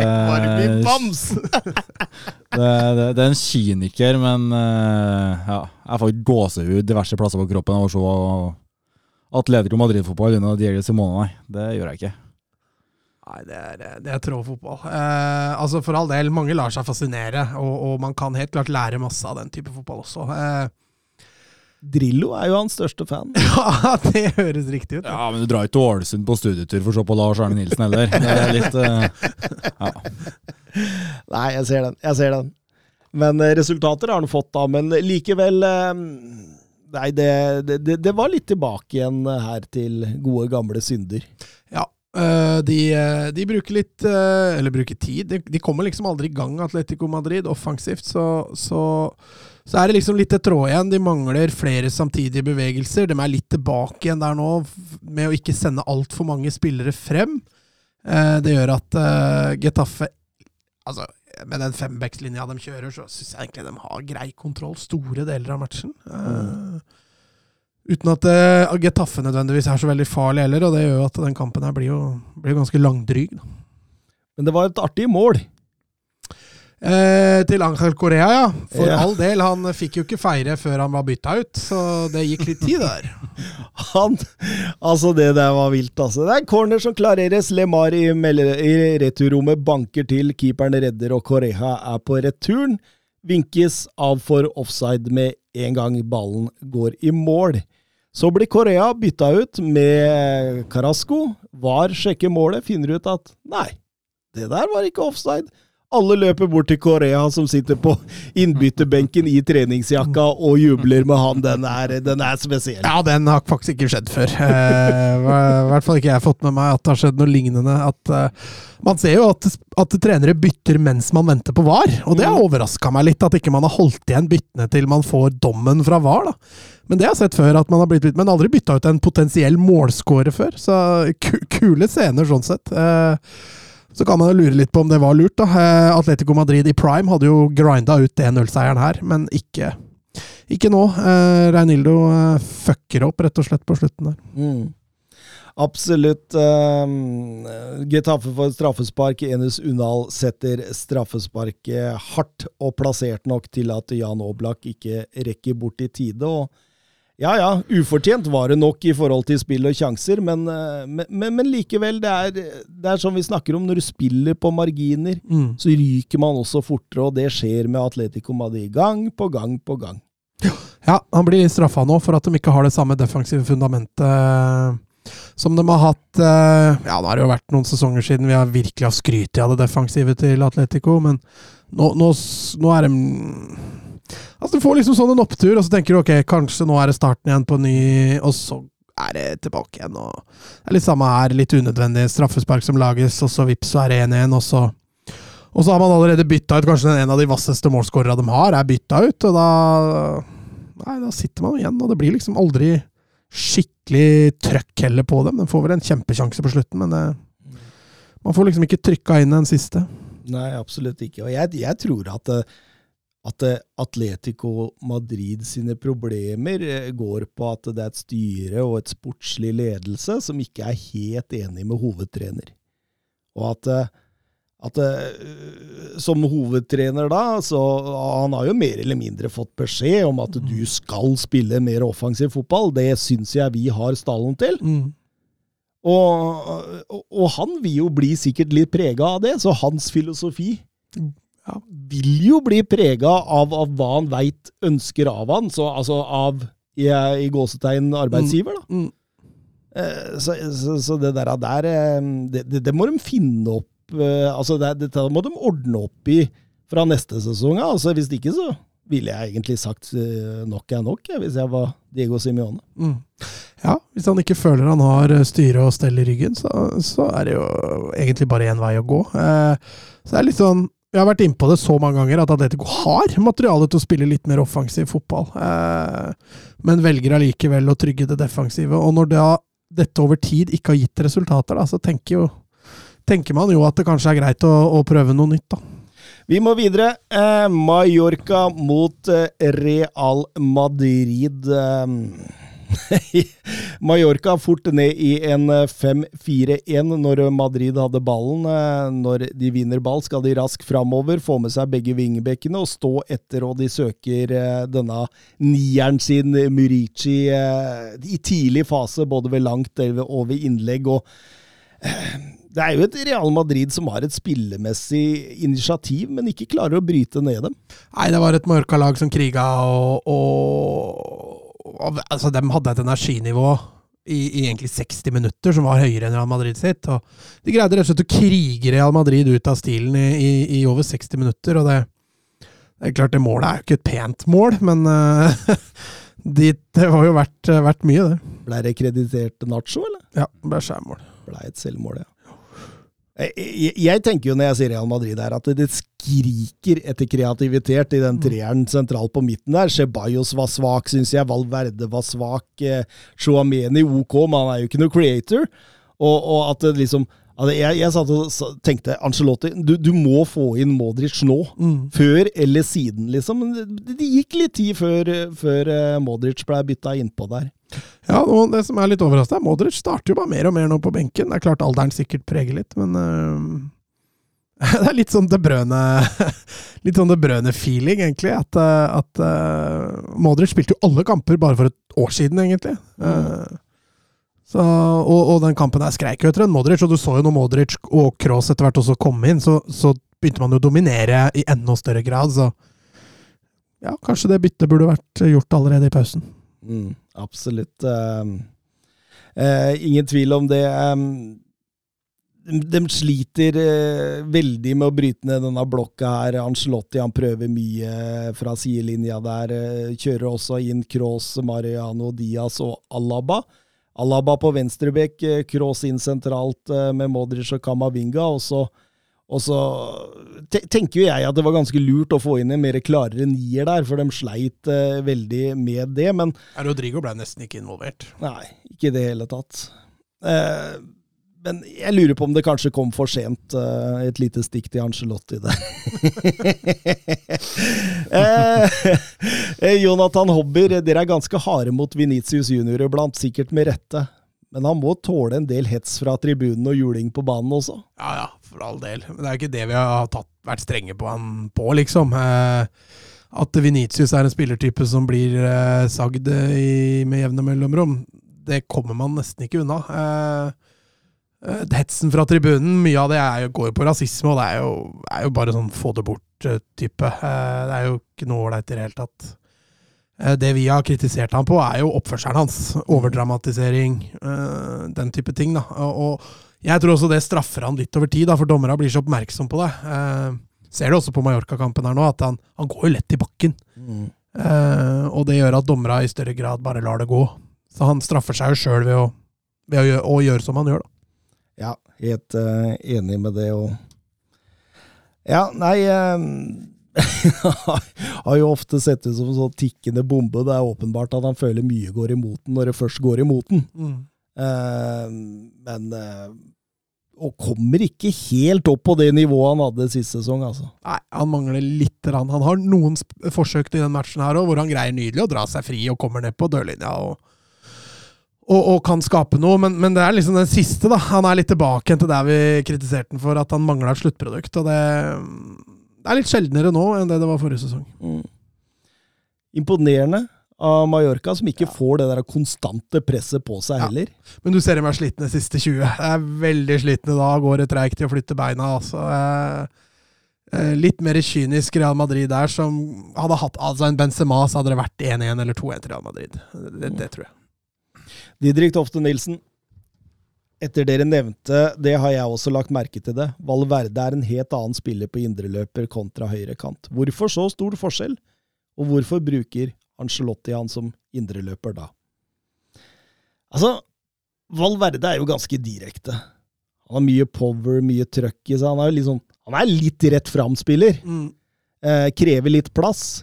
Inne sentralt så blir det trangere. Han får ikke utnytta kvalitetene sine, altså spisskompetansen sin, godt nok, og du går fra verdensklasse til mer average på dette nivået, da, som, som en av tre sentralt i banen. Hvorfor Angelotti gjør det? Ja, vanskelig for å si det. Det kan jo kan, kan jo ja. Angelotti-fanen snakke om! ja, det no. Harry Angelotti-fan, ja. Det er jo nytt kallenavn på meg, det, men uh, Nei, Jeg skal være så ærlig å si, jeg har ikke sett Real Madrid så veldig mye. Så eh, jeg hadde på kampen mot Mallorca i bakgrunnen på TV-en, eh, men uh, Jeg mener å sett og lest en plass at de er veldig glad i Valverde i kamper der de må ha litt mer trusler inn bak motstanders linje. Som det, det Valverde blir brukt til sentralt, det er litt vanskelig å se. Og så blir den brukt litt mer på kant når det er en litt mer kamp der man ønsker å presse litt mer høyt, men uh, ja, det Jeg blir så mye synsing at jeg uh, nesten får høypinn bare av å tenke på det, faktisk. Hva tenker du, da, som ser atskillig flere Real Madrid-kamper? Nei, altså, Jeg også sitter jo med det inntrykket. da, altså Når Real Madrid har litt bakrom, når de tror de har litt bakrom å jobbe med, da, så spiller Valverde oftere på kant. Eh, når bakrommet blir mindre, og de møter mer lavtliggende lag, så bruker han Valverde mer indreløper. Eh, nå tror jeg at hadde Modric og Cross vært kampklare, så hadde Valverde enten spilt høyrekant eller benk. Mm. Sånn at eh, Valverde tror jeg er en løsning på indreløperen når Modric og Cross ikke er tilgjengelig. Mm. Det er det de har, eller? Ja. Mm. Jeg tror Barcelona-Sevilla. Eh, det var jo en førsteomgang som så omtrent lik ut gjennom hele, hele førsteomgangen. Det var et eh, Sevilla som lå bakpå, et Barcelona som trilla, og da, da tenkte jeg jo ofte at dette, dette blir jo som det har vært i store deler av ja, i hvert fall etter VM. At man triller og triller og triller, og så til slutt så finner en på én ting som er genial nok til å vinne kampen, men uh... Altså Jeg må si at jeg var litt imponert over måten Barca greide å trykke Sevilla altså så langt inn i egen boks at de, de, var jo, de hadde jo så vei, lang vei fram til mål. Uh, problemet er at Barcelona greier ikke det taktskiftet når de skal kjøre gjennombrudd. og da det er klart Når du skal bryte gjennom ti mann som ligger i og rundt egen 16, så du, du, du må ha noe ekstra, da. Og det mangler for Barca i første omgang. De greier ikke å skape den helt store skåringsmuligheten. Og Sevilla er jo så langt unna målet til Barcelona at det er jo, det er jo ikke farlig engang når de vinner ballen.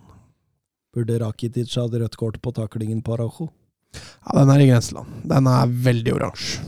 Den er det. Ja, den er stygg, altså. Den er ufin. Men Sampaioli han gjør bytter. Han kjører Lamela og Brian Gill inn til pause. Da blir det enda koseligere for oss som er Tottenham-supportere. Lamela kommer inn som tidenes feilpasning. Ja, fy fader, han skøyt jo bort alle ballene han fikk, han. og, og det blir jo et trykk igjen etter hvert der, og det blir jo mer å forsvare seg. og Da, da, da er det litt merkelig å få på sånne spillertyper, da. Når, eller kanskje ikke Lamela, men i hvert fall Brian Gill. For Uh... Ja, altså det som er litt Altså Han tar jo ut en Siri, og det er klart uh, Trusselen med Nesiri på innlegg er jo Den skjønner jeg jo. De, f- de er jo ikke i nærheten av å kunne slå noe innlegg. Nei. Men en Nesiri på banen for å holde litt på kula, da. Uh, for å kunne løfte ut laget litt. Og så erstatter du den da med Lamela og Brian Gill, da, som også kommer inn. Nei, den skjønte jeg ikke så mye av. Altså, Det kan hende han tenker at han vil ta mer kontroll over ballen, eh, og, og sånn sett gjøre det, men altså, man Vanskelig å skåre mål på Barcelona uten et oppspillspunkt, en nier, en, en trussel. Eh, og, og Sevilla blir jo om mulig da, enda mindre farlig i andre omgang. ja, det syns jeg absolutt den blir, selv om den Var ikke farlig første gang, heller. Nei, den var jo ikke det. Eh, og, og Barcelona girer om. Og de siste, ja, kall det gjerne halvtimen, det er noe av det bedre jeg har sett av Barcelona denne sesongen. Ja, da sprudla det litt offensivt. Og, og man får jo involvert eh, Jordi Alba, mye smalere. Eh, Rafinha plutselig var, var, fant den tilbake igjen til Leeds-formen i den andre omgangen, for han var ikke all verden i første omgang. Eh, og, og Rafinha aleine setter jo opp eh, to av kassene, og så skårer han det tredje sjøl, så Nei, det var, det var artig å se Barcelona igjen offensivt. Det, det sprudla litt. Og en Gavi som skårer mål igjen. Vi snakka om det. at uh, vi, vi hadde ett ønske, Geir, av Gavi og Pedri, som er to fantastiske fotballspillere. Uh, vi sa vel der for noen uker sia at uh, de må bli litt mer målfarlige. De må komme litt mer inn i boks og true boks, og, og, og, og bli sådan litt mer involvert i den helt siste tredelen. da. Eh, begge har begynt å rase inn mål etter at vi sa det. og og det, det ligger jo altså Gavi Pedri det er jo fantastiske fotballspillere, og når de får mål og målpoeng i tillegg i spillet sitt, da, er- da er det jo komplett. Ja, det blir jo det.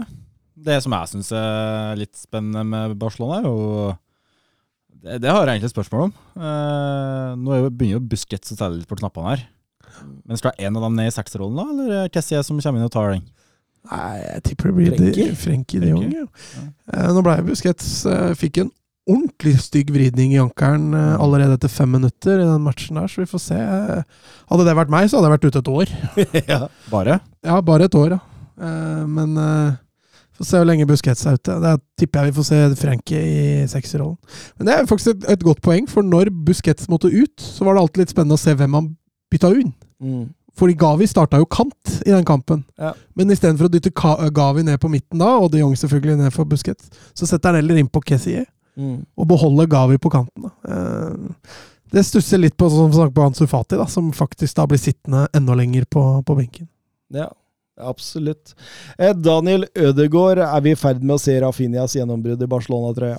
Håper det. Eh, Det hadde vært kjempegøy. Altså Potensialet hans er det vel ingen som, som tviler på, men det har lugga veldig. Og Jeg må jo si første gang jeg så ikke så veldig mye bedring ut. Han, han har jo slutta med disse taktskiftene og, og brå vendingene og sånn. Han løper jo bare rett på motstanderen, og da er det lett å ta ballen. Eh, det så mye bedre ut i andre omgang. Litt mer kreativ, og, og ikke minst den der retningsforandringsfinten han driver med. Det, det så plutselig mye bedre ut. Så hvis det var dette som skulle til for at det løsna, så, så kommer det til å bli gøy.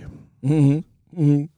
De resterende laga i toppen der Villarreal taper, Real Betis taper, Real Sociedad taper Bilbao vant, da.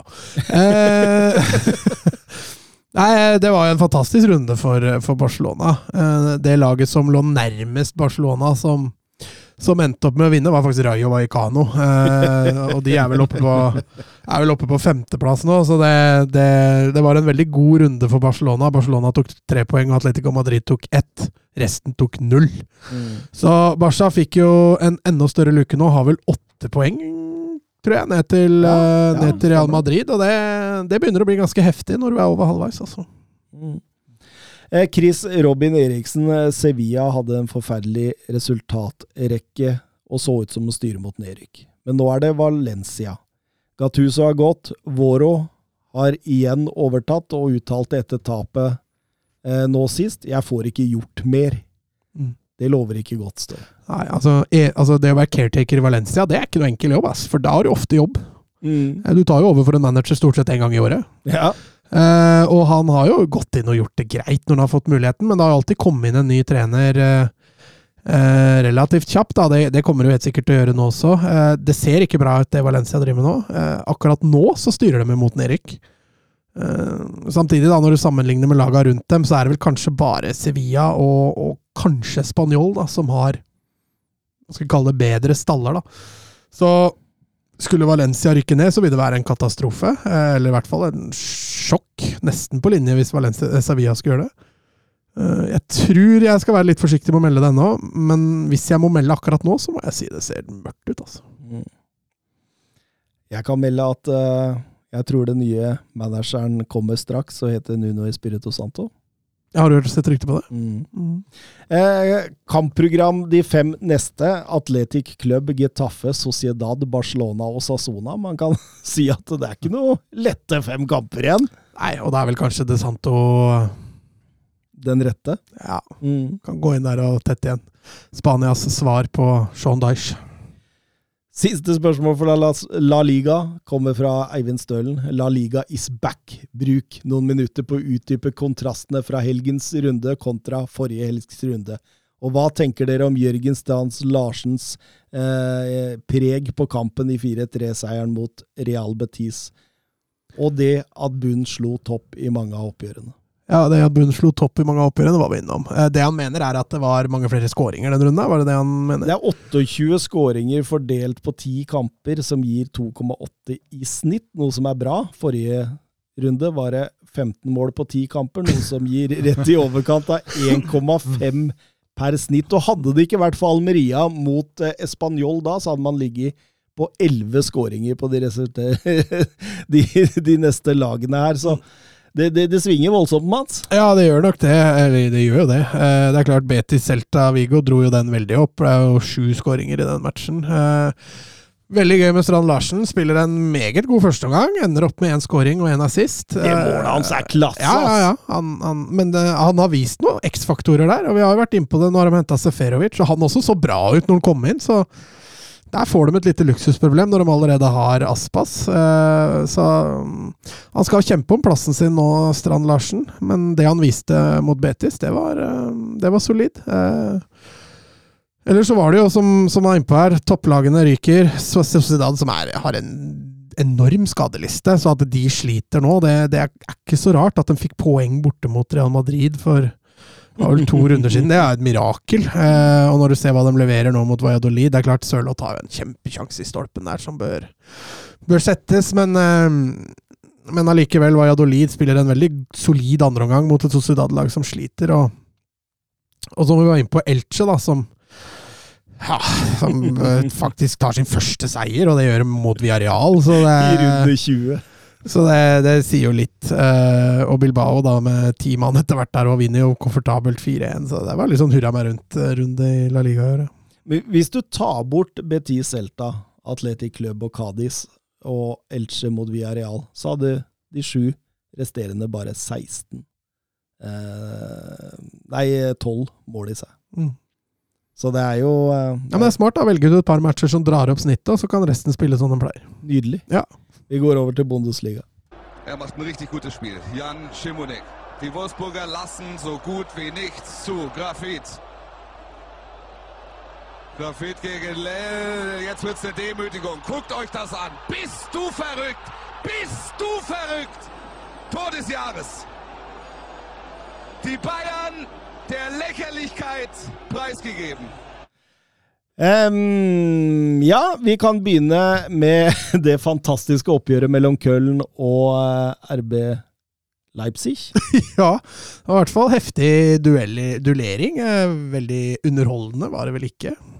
Nei, absolutt ikke. To lag som er ubeseiret i 2023, og to lag som eh, gikk ut av denne runden ubeseiret. Fordi eh, det var ikke Det var ikke veldig mange sjanser, egentlig. Det var litt sånn Jeg syns kampen eh, var litt eh, Hva kan du si? Litt lukket. Mm. Det var litt ta og føle på egentlig i 90 minutter. Eh, det er klart Leipzig produserer jo noen kjempesjanser, da. Timo Werner har vel en annullert scoring der. Ehm, og så var det mye stygt spill i perioder. Uh, Köln starter det hele, og så går Leipzig over, og så blir det noen tumulter også på sidelinja. der Marco Rose slenger noe med leppa. Og...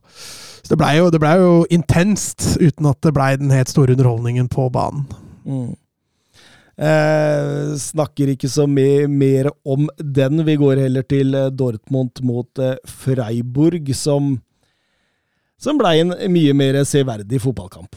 Ja, og det er det vel egentlig bare å takke eh, Sildilla for. Eh, valgte å, å ta, ta tidlig dusjen der. Jeg tror han skulle rekke et eller annet, faktisk, som valgte å gå såpass tidlig. Eh, jeg, jeg, altså, jeg syns det er gul, To gule på det han gjør, syns jeg er litt strengt.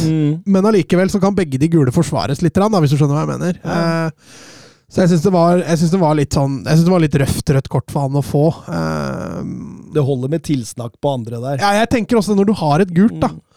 Da kan dommeren eh, tenke at ok, den, den var ikke så grov, så vi kan nøye oss med tilsnakk, og så få klar beskjed om at er greit, gjør du det igjen, så da er du ferdig, liksom.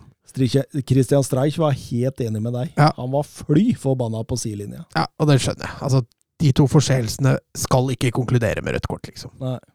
Eh, så nei, jeg syns Freiburg blir litt, uh, litt urettferdig behandla der, og det, det forandrer jo mye på Freiburg. Uh, eller forutsetningene forandres litt. Inngangen tror jeg ikke forandrer så veldig mye for dem. Ja, men Veldig spesielt egentlig det at han Altså, de, de starter jo en 5-3-1-1 defensivt, kan man jo på mange måter si.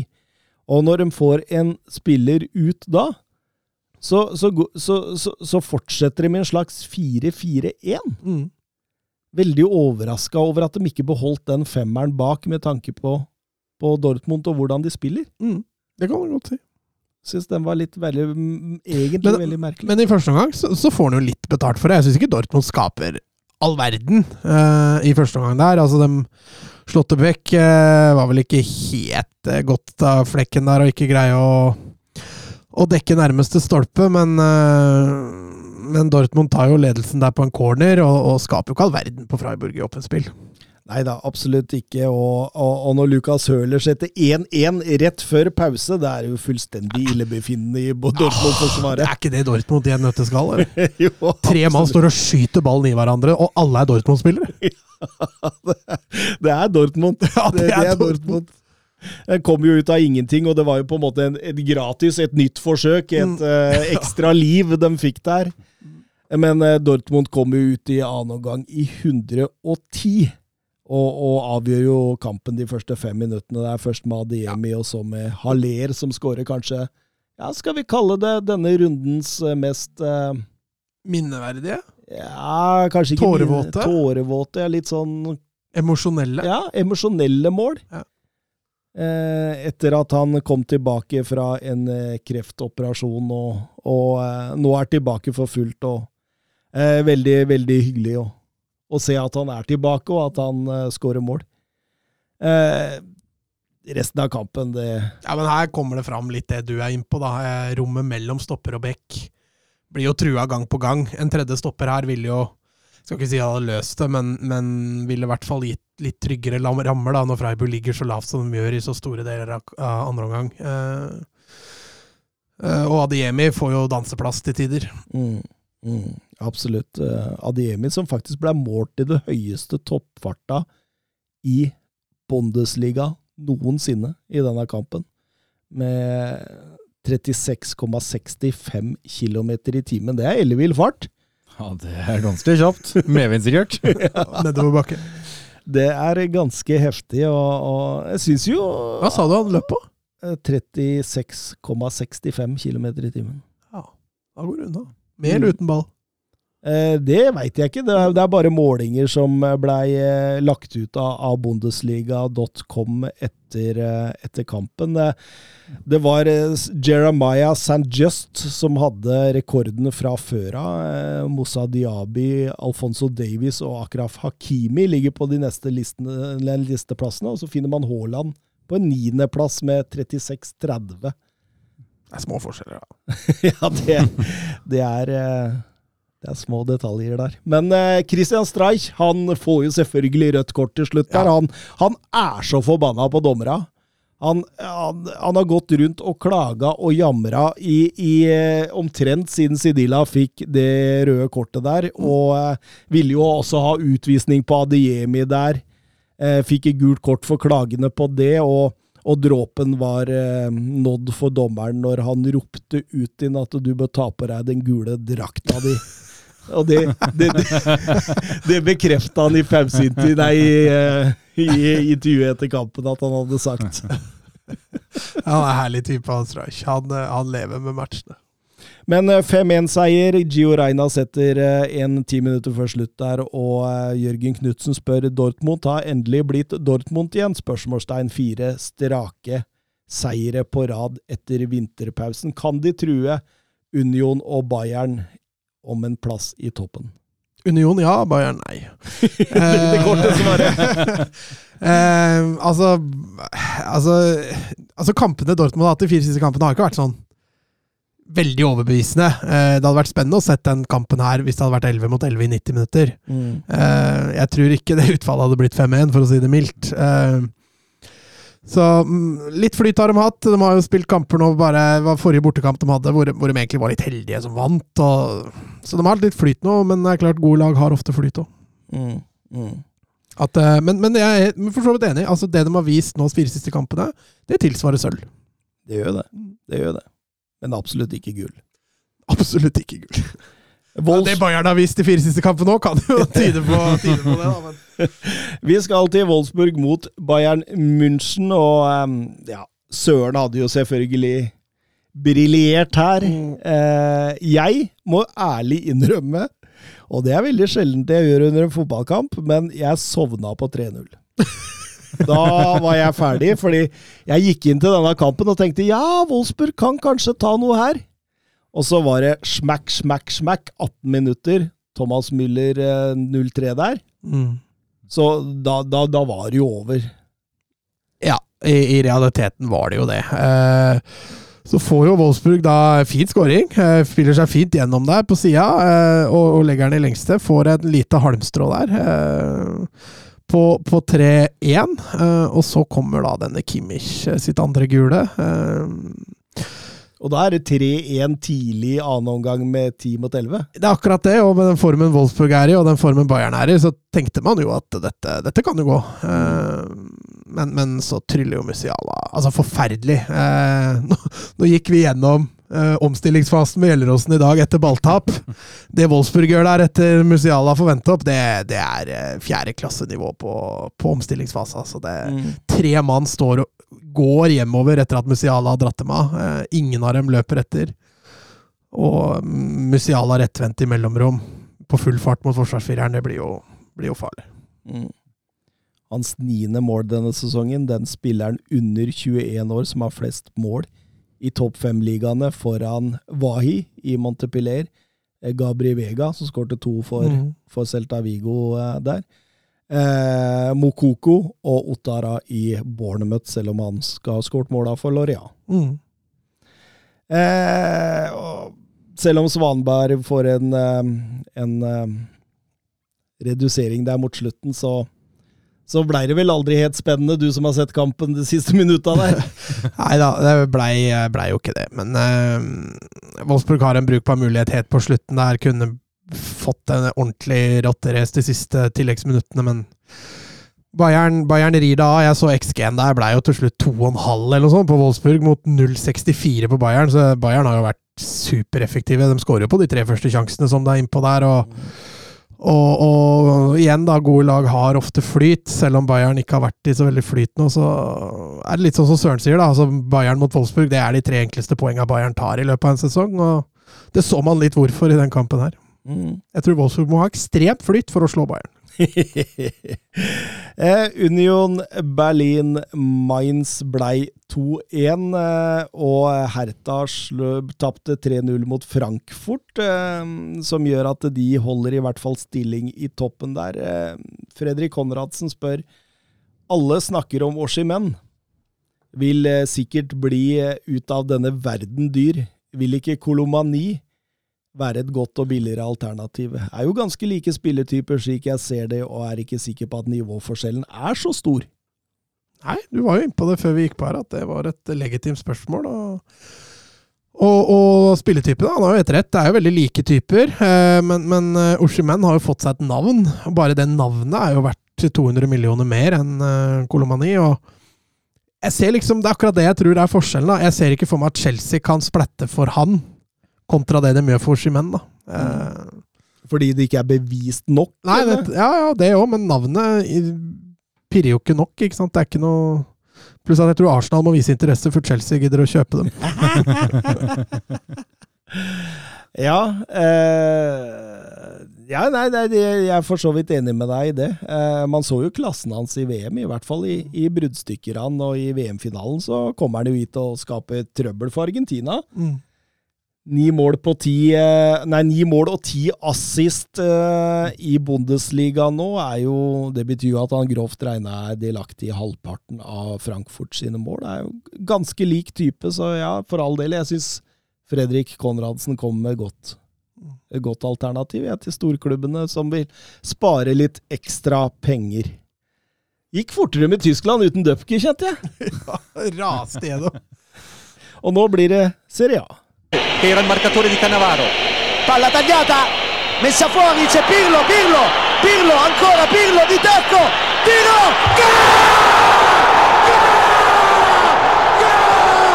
Grosso, Grosso, gol, gol di Grosso, gol di Grosso. Vi starter med Spezia mot Napoli, og eh, Napoli får jo skikkelig kjørt seg de første åtte-ti minuttene der, eh, før den begynner sakte, men sikkert å, å ta mer og mer over. Ja, Spezia produserer to kjempesjanser som de fort bør og kunne straffe Napoli på. Eh, Jeg må jo si måten Napoli virkelig kommer inn i matchen på med den Hensen, det er jo forferdelig! Er så klønete at du kan le deg i hjel. Reka som mister oversikten der tidlig Ja, Altså, oversikten! Han må jo ha kontroll på sine egne armer. Ja, jeg tror ikke han hadde det. For Nei, helt det ærlig. så ikke sånn ut! Slå bort ballen foran Men eh, litt eh, foruroligende at de ikke får hull på Spezia, eller må, må ha Mm. et straffespark til for å, for å gjøre det? Ja, men samtidig, da Jeg, jeg satt jo liksom ikke med en følelse av at dette var voldsomt Altså, når Spezia fikk lire av seg det de gjorde i starten der, så, så satt man jo egentlig og venta litt på at det, det skulle ryke etter hvert der, og at det måtte et straffespark til. Kanskje litt, kanskje litt bekymringsverdig, men maskineriet der hadde skåret uansett, tror jeg. Mm, mm. Kvarasjkela setter eh, 0-1 på straffesparket. Der legger han akkurat høyt nok til at Dragowski Mm. ikke får tatt den. Eh, Har du hengt deg på denne Kvarasjkela-bølgen, eller? Eh, delvis, men det sitter jo en på andre siden av bordet som er assistent i Gjelleråsen som mener han har litt Messi-takter i seg, så det, Men jeg har ikke sett den så veldig mye sjøl, det har ikke jeg gjort. Men det, det jeg har sett, så ser jo helt fantastisk ut. Mm. Mm. Nesten varm i bamsen. Nesten. Ja, det er, det, er, det er utrolig deilig å se Kvarasjkela spille fotball. Og det, det, og du, du ser han spiller på så marginer, og det er de der små det, ja, Jeg er helt enig med deg. Det, det er litt sånn Messi-feeling. Det er, det er ikke så ekstremt, men likevel så har du aspektene i måten han beveger seg på, kroppsfintene, det der lille, Ja, det er den tyngdeoverføringa, mm. den Mm. der gode balansen, som, som du ser litt samme, samme mønsteret som Messi. Ja, absolutt. Og, og eh, var jo på mange måter, når, når Napoli sto og stanga, også deres farligste spiller. Han som var liksom den kreative krafta bak det. Og, Mm. og eh, det er klart, det etter 0-1 der, så det tar ikke så lang tid før det åpner seg litt opp. Og når det åpner seg opp mot Napoli, da er det en som heter Victor Oshimen som eh, Ja, han lar seg ikke be Jo, han lot seg be to ganger her, faktisk. Ja, det, det, det kom to der på kort tid der. eh, 0-2 og 0-3. Og på eh, Er det andre målet eller er det tredje målet? Han hopper høyere enn keeperen og vel så det. Han er, en, han er meter høyere enn keeperen. Ja, det er det andre, andre målet. Det tredje målet er vel den hvor han pirker inn på åpen kasse der. Nei, Han er et fysisk unikum, denne Oshimen. Altså. Har en ellevill spenst og timing, ikke minst. Det er klart Kvarasjkela har jo fora han på panna hele sesongen omtrent. Men uh, han har en ellevill timing i det han gjør når han hopper opp, og så har han jo den farta si. Mm, mm. 3-0-målet der, ja. Det var den han pirker inn og får en på Mm. av Kvarasjkela gir den egentlig til. Ja, ja. kommer aleine mot keeper. Jeg, Mm. jeg husker når jeg og kompiser spilte Fifa sammen for mange år tilbake i tid, så var det ikke lov å score de type måla. Altså, eller lov og lov, men det, men, det ble kalt luddermål. Og, eh, og Ja, luddermål. Og hvis du skårte et luddermål, så fikk det medfølgen ludderkarma. Og, og en karma som bringte uflaks i Fifa resten av den kvelden. Og, og det verste var at det ofte stemte. Så hvis du spilte den på tvers aleine mot keeper, og, da, og, den andre putta den i åpent mål, så fikk du en ludderkarma. Så blir det spennende å se om Kvarasjkela og Shimen får ludderkarma framover etter den eh, 3-0-skåringen. Det er en innavlopplegget på Rjukan, vet du. Det er, eh, Det er overho- det er overhodet ikke det. Det er Oslo-folk. det er Oslo-folk! Å ja, ok. Du hadde flytta til Oslo da dette var, ja. Faktisk en fra København også, så Ja. det, er, det er veldig metropol i forhold til her oppe i lille Nittedal. Altså. Ja, nei, her er det jo bare innavl. Slattum, Slattum swingers, det, det, det Ja, vil du det, medlemskap? Det er bare gutter, da. Det er, ikke, det er ordentlig pølsefester. Ja, det er fint. det. Her er garasjen til Martin, altså. Det går fint, det.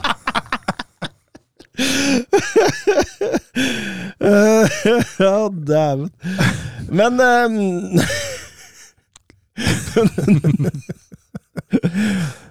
Napoli 0-3, de, de fosser jo bare videre. Og, og eh, Steffen Hansen, kenguruen Oshimen, storlaget av England, er klare med lommeboka. Hva tenker dere prisen blir i sommer? Ja, men skal vi fortsette det galoppen vi hadde nå, så er det jo ratt eh, 1,4-1,5. eh, Som fort må punges ut. Han har jo fortsatt et par sesonger igjen av kontrakta si. Eh, Ja, hvis de skal selge nå skal, altså, Det er nå til sommeren de kommer til å få mest for han. United jager spiss, Chelsea jager spiss. Eh, Liverpool kanskje også trenger kanskje en spiss, eh, så ja, nei, jeg tror dette er- Og Real Madrid, ikke minst. Så Alle trenger spiss. det er en god tid å være Trenger du spiss, eller? Ja, gjør egentlig ikke det. Nei, Nei, for det man har, da. Du, du er det. Du hadde ikke tatt en menn, nei. Nei, den passer ikke stilen vår. Skal ikke ha så mye bakrom i år, Vision. Eh, Spille laget lave. Ja. Eh, over til eh, Over til eh, Milan-derby, eller Derby della Madonnina, som du, om du vil. Søren var ringside der. ja, var der, han. Mm, Sendte noen bilder, ja. Ja, det, det var sikkert kult å få oppleve den før banen skal rives. Det er vel ikke så veldig lenge til. Nei, det veit sikkert du mer enn meg om. Det har vært rykte om det i mange herrens år. Veldig mange år, over ti år, men det har ikke kommet noe endelig dato på det, som jeg har forstått. Men hvordan gjør de det da? Bygger de to nye stadioner, eller? Det har også vært ekstremt mye rykter på de Ja, siste ti åra. Det- Jeg vet Milan hadde ei tegning klar for eh, ja, fort sju-åtte år siden. Men det ble ikke noe av. Skulle ligge rett attmed Casa Milan uh, i sentrum der, men uh, jeg er litt usikker hvordan det egentlig blir. Men det er jo litt veldig trist å ri den stadion der, da. Ja, der er det mye minner. Er Ja, veldig. Som Jeg, har- jeg har ikke så veldig gode minner der, når jeg har vært der, men eh, Ja, men som Rosenborg-supporter så har du gode minner der. Ja, men jeg var så liten da, vet du. Jeg husker ikke, nesten. Nei, ikke sant? Nei, du var ikke født ennå. Var Steffen Iversen, det? Nei, det var Vegard, Vegard Heggem. Det var det, ja. Mm. Det var Iversen som hedda han. Nei, det var, Jeg det var tenker på EM. Du tenker på EM, du. Ja. Nei, det var vel Brattbakk Nei, Brattbakk. Det var Skammelsrud som slo pasningen, var ikke det? det. Ja, for du er Milan-supporter? Ja, før var jeg veldig Milan-fan, og generelt også italiensk fotball. Så jeg var jo skribent da, for italienskfotball.net Ja. en periode. Mm. Fram til 2016, tror jeg. Så finner vi noe åmelig verk, eller, hvis vi søker på det? Eh, Det kan hende at det ligger en liten analyse på Atalanta ute der. Før Gasperini, eller? eh? Om det var før Gasperini, det er jeg litt usikker på. Men har han vært der i så mange år, da? Nei, det var, Han har vært lenge, men eh, 2015 Han, det er 2015, da var han nok ikke der. Jeg tror han kom i 16-17, ja, et eller annet der. Mm. Eh, men kampen i seg sjøl, da. Pioli overrasker, går bort fra sin vante 4-2-3-en over i en eh, 5-3-2. Eh, hva tenker du om det? Nei, det, jeg, kan jo være så ærlig å si jeg så ikke kampen, men jeg har sett høydepunkt, og har rydda ganske kraftig Twitter-lista mi. Eh, Der er det noen Milan-fans jeg følger, og den Milan-fansen var ganske så oppgitt og irritert på det som skjedde, så det var vel eh, desidert de dårligste 45 minutter Milan har levert på mange herrens år, som jeg skjønner. Og nå Jeg så når Milan låner 3-0 til pause mot Kievo Verona på Ja, med Forrige helg, det. Nei. Nei. 3-0 er jo mange år siden. Oh, ja, ok. Ja, Hvem var det tapte 5-2 mot nå sist, da? Var ikke det Verona? Mm? Nei, det var kanskje Sassolo. Sassolo, var det. Ja, ja. Stemmer det. De låner 3-0 en år- ett år, og så skårer Boateng tre mål og Mario Jepes på 87. minutt med en knallheading der. Så Ok, ja. mange år siden det. Men, Ja, nei, det var, det var ikke forrige helg. Nei, det var ikke forrige helg, nei. stemmer, stemmer. Mario Jepes, Mario det var ikke i går. Nei, og ikke, Nei, Boat, ikke Boateng heller. Nei, uheldigvis ikke. Men eh, Nei, det men, de, de detter jo helt sammen. Det Mm. skjer uh, Magic Mike blir skada i mål, der de har ikke henta en reservekeeper som klarer å holde en ball utafor nettet. og det er Matheo Gabbia som venstre sidestopper. Det, det gir meg ikke gåsehud enkelte plasser på kroppen, det, altså. Så det er litt uh, Ja, det, det er tynt. Origi Giroud som ligger, ligger lavt. Skal Ja. du kontre med dem? Nei. det- Vingbekkene bekker. altså Du har en av verdens beste offensive bekker på venstresida der, i hvert fall. Som i, omtrent ikke er over midten, altså. I, i første omgang, i hvert fall. Eh, veldig overraska når Pioli på 0-1 eh, går ut med samme formasjon Mm. og fortsetter med det uten å gjøre grep. Altså, veldig, veldig rart. Jeg ville gått med en gang over til fire bak, inn med Rafael Leao, og kanskje ja, Kanskje spilt en eller skeiv 4-3-3 eller noe sånt. da. Noe må gjøres. Jeg, jeg, jeg har jo lenge snakka om det å få Tonali høyere opp i banen også. Uh, jeg, jeg fatter ikke hva han driver med her, og vi har jo fått et spørsmål her om det også. Uh, fra Eivind Stølen. Milan kunne ranet Inter for poeng dersom Giro var mer klinisk i avslutningen på kjempesjansen sin. Men likevel fortjent Inter-seier. Hva var egentlig taktikken og planen til Milan i denne kampen? Altså, jeg tenker jo det også at eh, Milan har slitt fælt med formen nå. Jeg, jeg tror også det er et litt desperat forsøk fra Pioli å, å bryte opp litt. Eh, prøve å, å, å, å sjokkere litt også. Altså, jeg tror ikke Inter forventa det her heller, for å si det sånn. Men de, de var vel kanskje mer fornøyd enn det Milan var av det sluttproduktet her. og Det er ikke så lett å se hva han har tenkt. Han må vel ha sett på feltet og at dette ikke Ja, men jeg, jeg hadde forstått det mer om Inter var leda av Conte, og sånn Inter var under Conte. Men altså, under Insagi så har de jo mista mye av den der overgangs... Altså det å være helt råe på disse overgangene. Og, og, og da også legge seg ned i en slags buss med, med Giro og Origi som kontringspunkt, hvor altså Giro skulle være toppspissen, på en måte, og, og, og Origi bindeleddet. Det, var, det var helt jævla merkelig å se på. Jeg tror jeg aldri har sett et Milan-lag som er så defensivt orientert. Ikke som jeg kan huske. De hadde noen defensive masterclasser på tidlig 90-tallet og 2000-tallet, de, altså.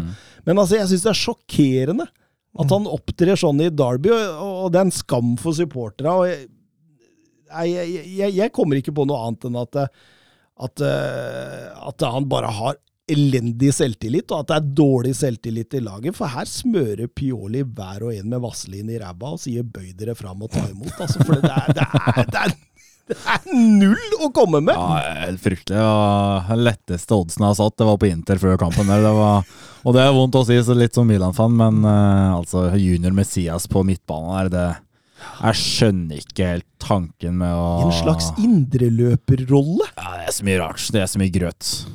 Det, Det, det, det men det, er jo ikke bare Pioli og spillerne, det er jo en ja, Maldini har ikke akkurat tatt det beste vinduet i januar, så det Nei, de har feila mye der. Ja, veldig mye. Altfor mye. Mm. Vinner serien i fjor, og nå ligger de på femte-sjetteplass, tror jeg, så det er flaut.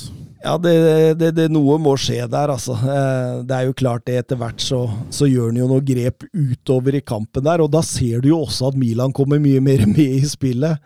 Få involvert Rafael Leao litt, Tonali litt mer på ball, så, så blir det jo plutselig mer farlig. Mm. Um, Så er, jeg, jeg skjønner ikke dette i det hele tatt. Jeg, jeg mener han kasta Altså potensielle poeng ut vinduet her, altså. Men det er jo potensielt nå at mye av det kan rakne.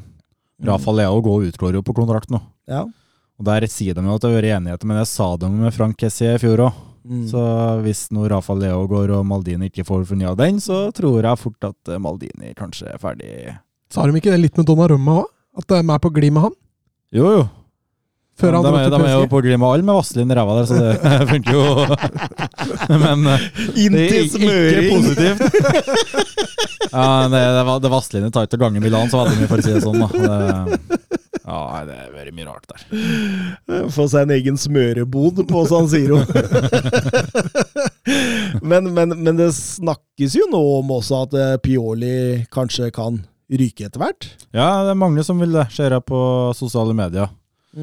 Men eh, ja, det, jeg tror også mange ser at det er en liten sammenheng der mellom det klubben har levert på vinduet og det Pioli Og så er jo Jeg mistenker jo veldig sterkt at Pioli overpresterte litt kraftig i fjor. jeg, Da. Ja. Det er ikke så veldig mye han har å vise til fra før på det nivået som uh, top notch, men Skulle du vært inne på det før, Thomas? Jeg har det. Jeg har det. Jeg syns eh, Du meldte vel egentlig sparken i fjor, men kanskje det blir ett år seinere, bare? Ja, men altså, jeg Altså, Pioli er jo en sånn trener som alltid til slutt vil mislykkes. ja, ja, ja. Så Men det er jo alle trenere i Serie A, er jo det. ja. Spalletti lyktes til slutt, hvis han gir seg nå. Ja, det, Endelig kom det. endelig, ja. um, ja, eh, Roma vant eh, 2-0 greit over Empoli. Eh, begge måla kommer fra dødball tidlig i matchen. Soleklar best, og jeg tror jeg har sett han av de råeste redningene i den kampen fra, fra Empolis Vicario der, hvor han har en trippelredning. Den første ellevill, altså. Den er helt Har du sjuk. sett den, eller? Ja, det er siste redninga sparker munnen seg av foten. Ja. Ja. ja, det er helt utrolig. Den, uh... Han fanger, er det, han fanger ballen til slutt, gjør han ikke det? Nei, han Nei, får sparket han bort. Ja, sånn var det. Ja. Ja, er fantastisk, altså. Men eh, Nei, det, altså Mourinho, det, det styrer mot eh, Champions League nå. Du snakka om at du har litt annet syn på den enn eh, resten av Norge, sa du vel? eh? resten, resten av Norge. Jeg trekker kanskje den litt tilbake, men jeg håper det er flere som var Nei, men det Hva er det som gjør at Mourinho er, er innafor? Han er, han, han er veldig ærlig. Han er helt ærlig med folk. Eh, Han er mye mer offensiv i tankesettet sitt når det kommer til spillestil enn det folk flest tror. Ikke hele Norge, men folk flest. Og så er han ekstremt opptatt av individperson. Se Mm. bakom øynene og hva som faktisk ligger der. Mm. det, det er mange Han fra sida. jeg hadde jo en liten episode med Solbakken nå i media der. Det henger litt ut, men eh, det er jo ærlighet som kommer ut. Mm. Og så er det norske medier som syns at det blir jo feil, da. Men, eh, Luke Shaw fikk vi kjørt seg litt i ManU òg, husker jeg. ja, men han var nå passe høy på BMI-skallene, da, så det var kanskje like greit òg. Pogba fikk vel kjørt seg øh, når han var i United, da? Ja. Ga han vel noen kalde blikk der. øh, Kommer noe videoopplegg av dette der, da? Ja, da. Det har gått bra med Pogba etterpå, da. Ja, det, det, det var faktisk det. Eller Det var noen heksedoktorer og sånt. Da. Ja, heksedoktor. Han hadde vel en alvorlig samtale med Deli Alli òg. Gikk ikke så bra der etterpå heller. Nei, det gjorde ikke det. Det var vel med Rick Karstrup òg Roma nå nettopp, var det vel noe greier der. Mm. Der han sa at eh, han spiller ikke noe mer fotball i her, og det sa han på en pressekonferanse rett etter en kamp, så det Han, er- han er veldig klar. Ja, ærlig. Ja, ja. Det går ikke mye rundt grøten her. Det, Så lurer jeg på hva som har skjedd med Nicolo Sanjolo og det greiene rundt der, altså. Ja, for han gikk til Galat Fenerbahçe. Ja, det ser sånn ut at det er. Galatasaray nå. Milan la en bud, det må sies. Men uh, Mislykkes. mislykkes dere òg, som vanlig. Det, Ja, for han var på vei til Bournemouth, Bournemouth, ja. og så gikk ikke den overgangen i orden. Jeg tror han hadde sa nei sjøl. Var det han som sa nei? Mm. Jeg hørte Bournemouth ikke var villig til å betale det når de fikk inn en annen spiller eller noe sånt. Ja, ok. Jeg har hørt at han sa nei. Men han var på vei ut i fjor òg, Sanjolo. i Hadde han ikke drevet og meldt litt mot supportere altså, nå? så det var litt vondt blod der? Det var, jeg tror ikke det, det, det var et eller annet som skjedde der, altså. Og det er, det er visst litt murring innad nå, av at de tapte jo Copa Italia-kampen mot Cremonese i midtuka. Mm. Eh, og rundt dette med Sanjolo og sånt. Og det, var tilløp til buing i denne kampen her òg, mot eh, Empoli, selv om de hadde full kontroll og det var en ålreit match. Så, så det, det er et eller annet som skjer der. Men det er jo, det er aldri Det er alltid misnøye i Serie A. Det er aldri noen som er 100 eh, enig i det som skjer, men Nei, absolutt ikke. Men det er fascinerende liga. ah, ja. uh, det skjer mye, og det skjer fort. og Mye drama. Mye drama og uh, mye mål. Mm. Uh, kontra det jeg husker når jeg vokste opp med Serie A, så var det, var Du vokste jo opp med Baresi og Costa Curta, da, og Ja, Nesta ja, ja. og Canavaro. Og fantastiske navn. de spillerne der visste jo ikke hvordan han slapp inn mål. Nei, helt nydelig. Helt nydelig.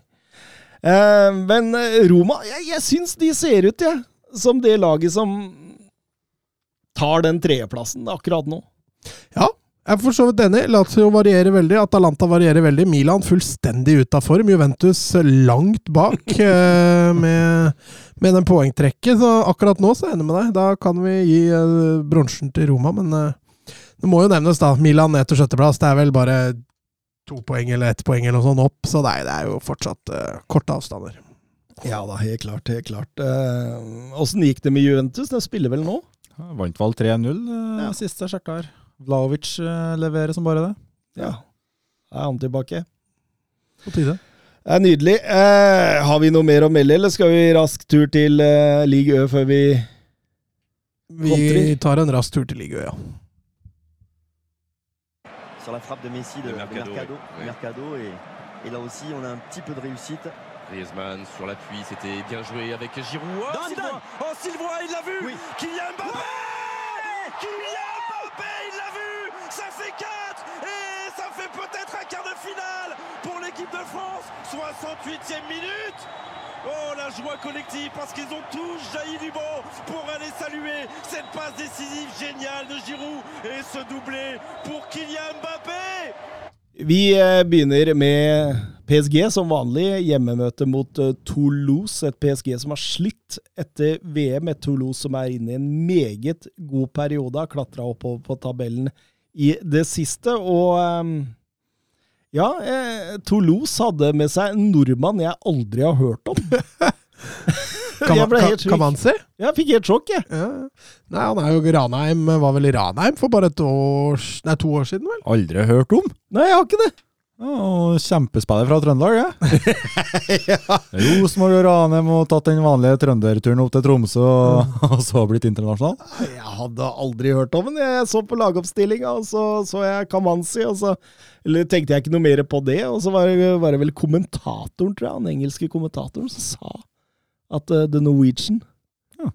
Så jeg bare Ok, her er jeg noe ikke Men nå følger ikke jeg sånn voldsomt med i Norge.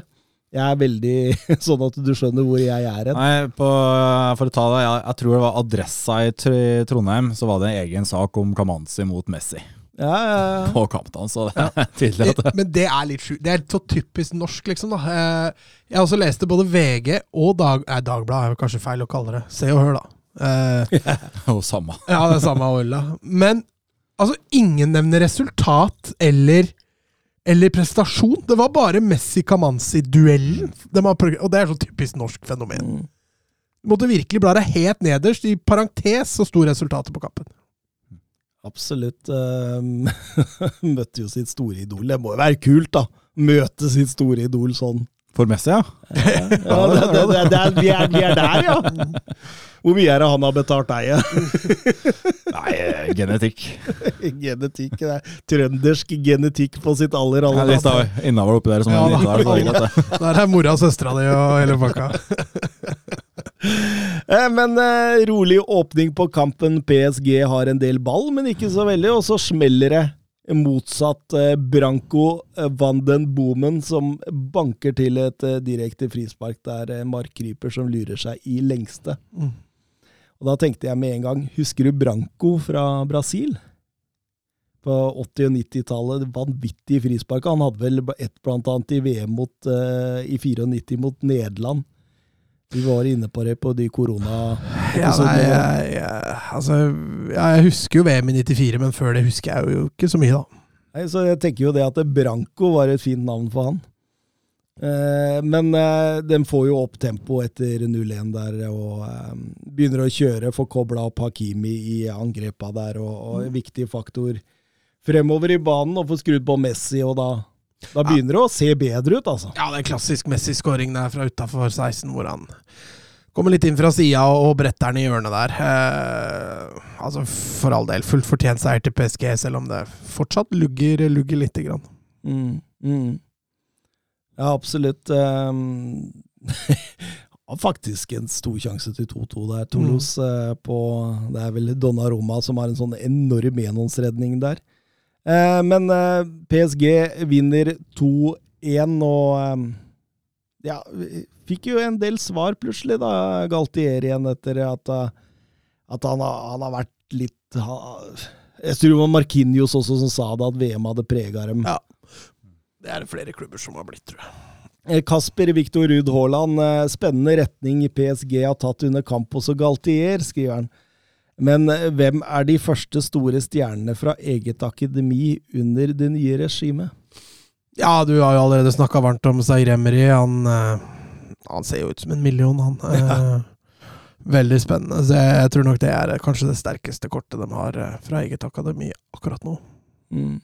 Eller så kom det jo også inn to andre i denne kampen her som er unge. Bichiabo, stopperen som også kan spille defensiv midt, gikk jo inn for en skada Renato Sanchez tidlig i kampen. Og en Ismail Garbi, en 18-årig sentral midt, en defensiv anlagt spiller som også eh, kom inn og var med på å trygge det. Så det, det er jo kult at PSG begynner å bruke litt yngre spillere, og at det ikke bare er overbetalte store stjerner som syns det er helt ok å sitte på benken over, over lengre perioder. Det, kjenner du noe til eh, Galtier, eller? Nei, dessverre. Eh, Det gjør jeg ikke. Nei, Han er vel sikkert ikke offensiv nok for det. Det tviler jeg på, så ikke jeg kjente. Det er sånn for fransk. Det er en og to. ja. Nei, han er jo en eh, han, er- han er jo eh, Det er jo safety first. Ja da. Men, med, men, men det går sikkert an å spille når du har Messi, Neymar og Mbappe på topp innimellom. Jeg tror jeg hjelper litt. Så Eh, ellers så kan man jo si i fransk liga at eh, Will Steele fortsatt er ubeseira. Ja, der går toget på skinner. Det ble ikke seier nå, riktignok, men eh, Nok en smultring og nok et poeng. Mhm. Eh, Jed Spence debuterte for renn. Det ble 1-3-tap, men eh, klarte seg meget godt og ble hylla av renn-fansen etter kampen. Jeg så i et rennforum blant annet at de lurte på om ikke Jed Spence hadde en bror på andre bekken også, for den var meget eh, godt fornøyd med den. Eh, ellers så ble jo storkampen forutenom PSG eh, Marseille-Nice, der hvor Marseille nok en gang ryker hjemme på velodrom. Ja, de har litt sånn hjemmekompleks. Mm. Det er liksom der de ryker. Mm. Eh, kunne jo på en måte dratt litt fra Lance der, eh, og i kampen om andreplassen, for det er vel det det blir, kampen om andreplassen i Ja, det blei spenning en kort periode der, men nå er det plutselig luke igjen. Og De er rett og slett for overlegne. De, de, de kan feile opptil flere ganger uten å ja, det er en enda mer eh, ekstrem versjon av Bayern og Bundesliga. Du føler det litt sånn. Ja. Du gjør det. Eh, skal så mye til, og så veit man jo likevel at det skjedde i fjor. Nei, forfjor. Mm. Eh, vi tar en kjapp tur til europahjørnet før vi gir oss. Bra jobba, gutta! Bra ball! Nei! Ah, grei offside. Tor Håkon, den er grei. Du. Tor Håkon! Nei, Tor Håkon, det var din egen skyld. Ikke bli sint for det, i hvert fall. da. Tor Håkon, ikke kjeft på dommeren. Og ikke kjeft på dommeren. Tor Håkon, nå hører du på dommeren. Det er hver gang, altså. Hver gang. Hver gang. Ehm, det er ikke noe Lillestrøm-spørsmål, men du sa du så Stabæk-matchen, så da har du åpenbart eh, lyst til å snakke litt Lillestrøm sånn. Eh, Nei, det er ikke så viktig. Det var en typisk treningskamp. Lillestrøm prøvde en ny formasjon hvor de spilte diamant, og de hadde to elvere i to forskjellige elvere i første og andre omgang. Uh, sliter litt, uh, spesielt offensivt. Ikke så rart i forhold til det relasjonelle, men eh, denne 4-4-2 diamant eh, tror jeg nok ikke fungerer like bra. Du så plutselig hvor mye mer usikkert det var bak, da, når de ikke hadde denne tredje stopperen de har vært vant til. Det, det ble for store avstander. Eh, eh, så er jeg glad det er treningsmatch. Stabæk var riktignok supereffektive. Hadde vel to og en halv målsjanse og skårer to mål. Lillestrøm brant jo to-tre kjempekjanser, så litt flatterende resultat, men en OK treningsmatch, kan man vel si. Mm. Mm. Eh, Søren er jo ikke her, så det blir lite Eres-divisjon, men eh, kan jo fortelle at eh, Ajax fortsatte oppturen under, Johnny Heitinga og vant hele 0-5 borte mot Kambur, og da da har han faktisk vunnet de to første kampene sine, og det sies også at han sitter ut sesongen. Ja, altså Bekrefta ikke Søren det siste? Eller var det du som bekrefta det? Nei, kan godt hende jeg bekrefta det i den, i den vi ikke fikk spilt inn. Ja. Det veit du ikke. Um, I ligaen oss, eh, Benfica ta, tok imot eh, Casapia. Eh, Benfica uten skade Gonzalo Ramos, heller ingen Tengstedt og Skjeldrup i tropp. Eh, Casapia raskt ned i en 5-3-2 og blir blir spilt dype. Danske Alexander Ba han har en kjempe altså det, det var skikkelig kult, for husker du Maikon-målet fra, fra VM i 2010? Ja. Der er fra spiss vinkel. Det var en lignende, bare han går rett på utsida, eh, inn i nettveggen der. Eh, sjanse på sjanse, bølge på bølge. Benfica spiller Casapia lavere og lavere, og, og det ender jo som det må gjøre. Ballen ut venstre, flatt 45 inn til Joao Mario, som kontrollert setter 1-0. og og 2-0 rett etterpå. Da er det Grimaldo som kommer ned venstresida og legger inn, og, og, og Joao Mario setter sitt andre skliende inn. og det er, det, er, det er, ingenting som tyder på at det der, blir spennende utover. Det er totalkontroll, og Alexander Ba fatser til sluttresultatet med 3-0. Eh, avanserer fra egen banehalvdel og banker den opp i hjørnet. Forresten ser strålende ut, denne danske bekken. Eh, Fredrik Aursted spilte hele kampen, god som vanlig. Eh, kunne satt 4-0 med en heading rett utafor der også. Er, jeg er imponert over Fredrik Aursnes i Benfica. Altså. Han har vært strålende der. Tar nivået. Det, det, det vil bare glede seg til altså, Han kommer jo garantert til å spille for Ståle Solbakken når, når kvaliken starter opp der. Mm. Eh, han spiller kantrolle i Benfica, gjør han ikke? Ja, det, han, vari- ja, han, han er veldig dynamisk. Men utgangspunkt veldig ofte ut venstre, ja. Men, men vandrer mye, er ofte inne i tieren og, og det kan være Ikke inn i toeren, inn i tieren. Så du smilte bak der. Det blir ganske seint nå, skjønner du. Så tankene vandrer. Ja, jeg så det. Singel-Mats på tur igjen, og jeg har vært borti det før. Eh, Fredrik Stjerna, vet dere hvorfor Schjelderup og Tengstedt ikke var med i troppen til Benfica enda? Det visste du, Mats? Ja, ja, jeg har lest litt om det. At eh, treneren der eh, ønsker å innkjøre dem litt, og at de eh, måtte finne en bedre form, var eh, svaret da. Tenkstedt har vel vært på benken, men eh, ingen av dem har vært på banen. Nei. Og begge starta B-kampen mot Tondela i helga. Det var første kampen for begge to, på en måte, for Benfica etter overgang. Eh, Braga vant 4-1 enkelt mot Famalicao. Eh, Porto slo Vizela 2-0, og Rio Ave slo Nei, tapte 1-0 mot Sporting, eh, Sporting høyt oppe etter 5-0 i midtuka mot Braga. Så eh, ja, det er uforandra i toppen der. Benfica med 53, Porto 45 og Braga 43, mens Sporting er helt ned i 38. Skal sies at de laga som jager, Benfica har én kamp mindre spilt. Da var vi jaggu igjennom. Vi har sittet her nesten tre og en halv time, altså med tanke på at vi Kåla? Kåla. Ja, det, det har gått fort.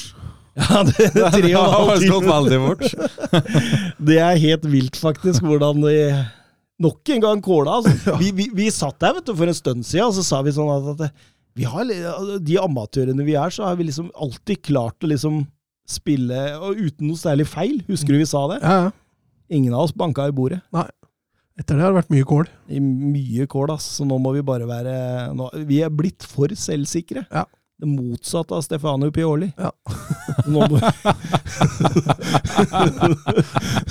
nå må vi begynne å dobbeltsjekke ting her. Eh, klokka er ti over tolv. Eh, litt eh, håpløst når man har med gjest og alt, men eh, du får masse takk for at du fikk komme. Jo, takk for det. Så håper jeg dama har malt klart til jeg kommer hjem etterpå. Ja, vi er der. Jeg håper jo det, da. Ja, ja. Nei, da har du ordna deg godt. Det har ikke du si. Nei, ikke du heller. Nei, hun har gått og lagt seg for lenge siden, det skal jeg love deg. Vi sier adjø. Adjø. Messi surging forward with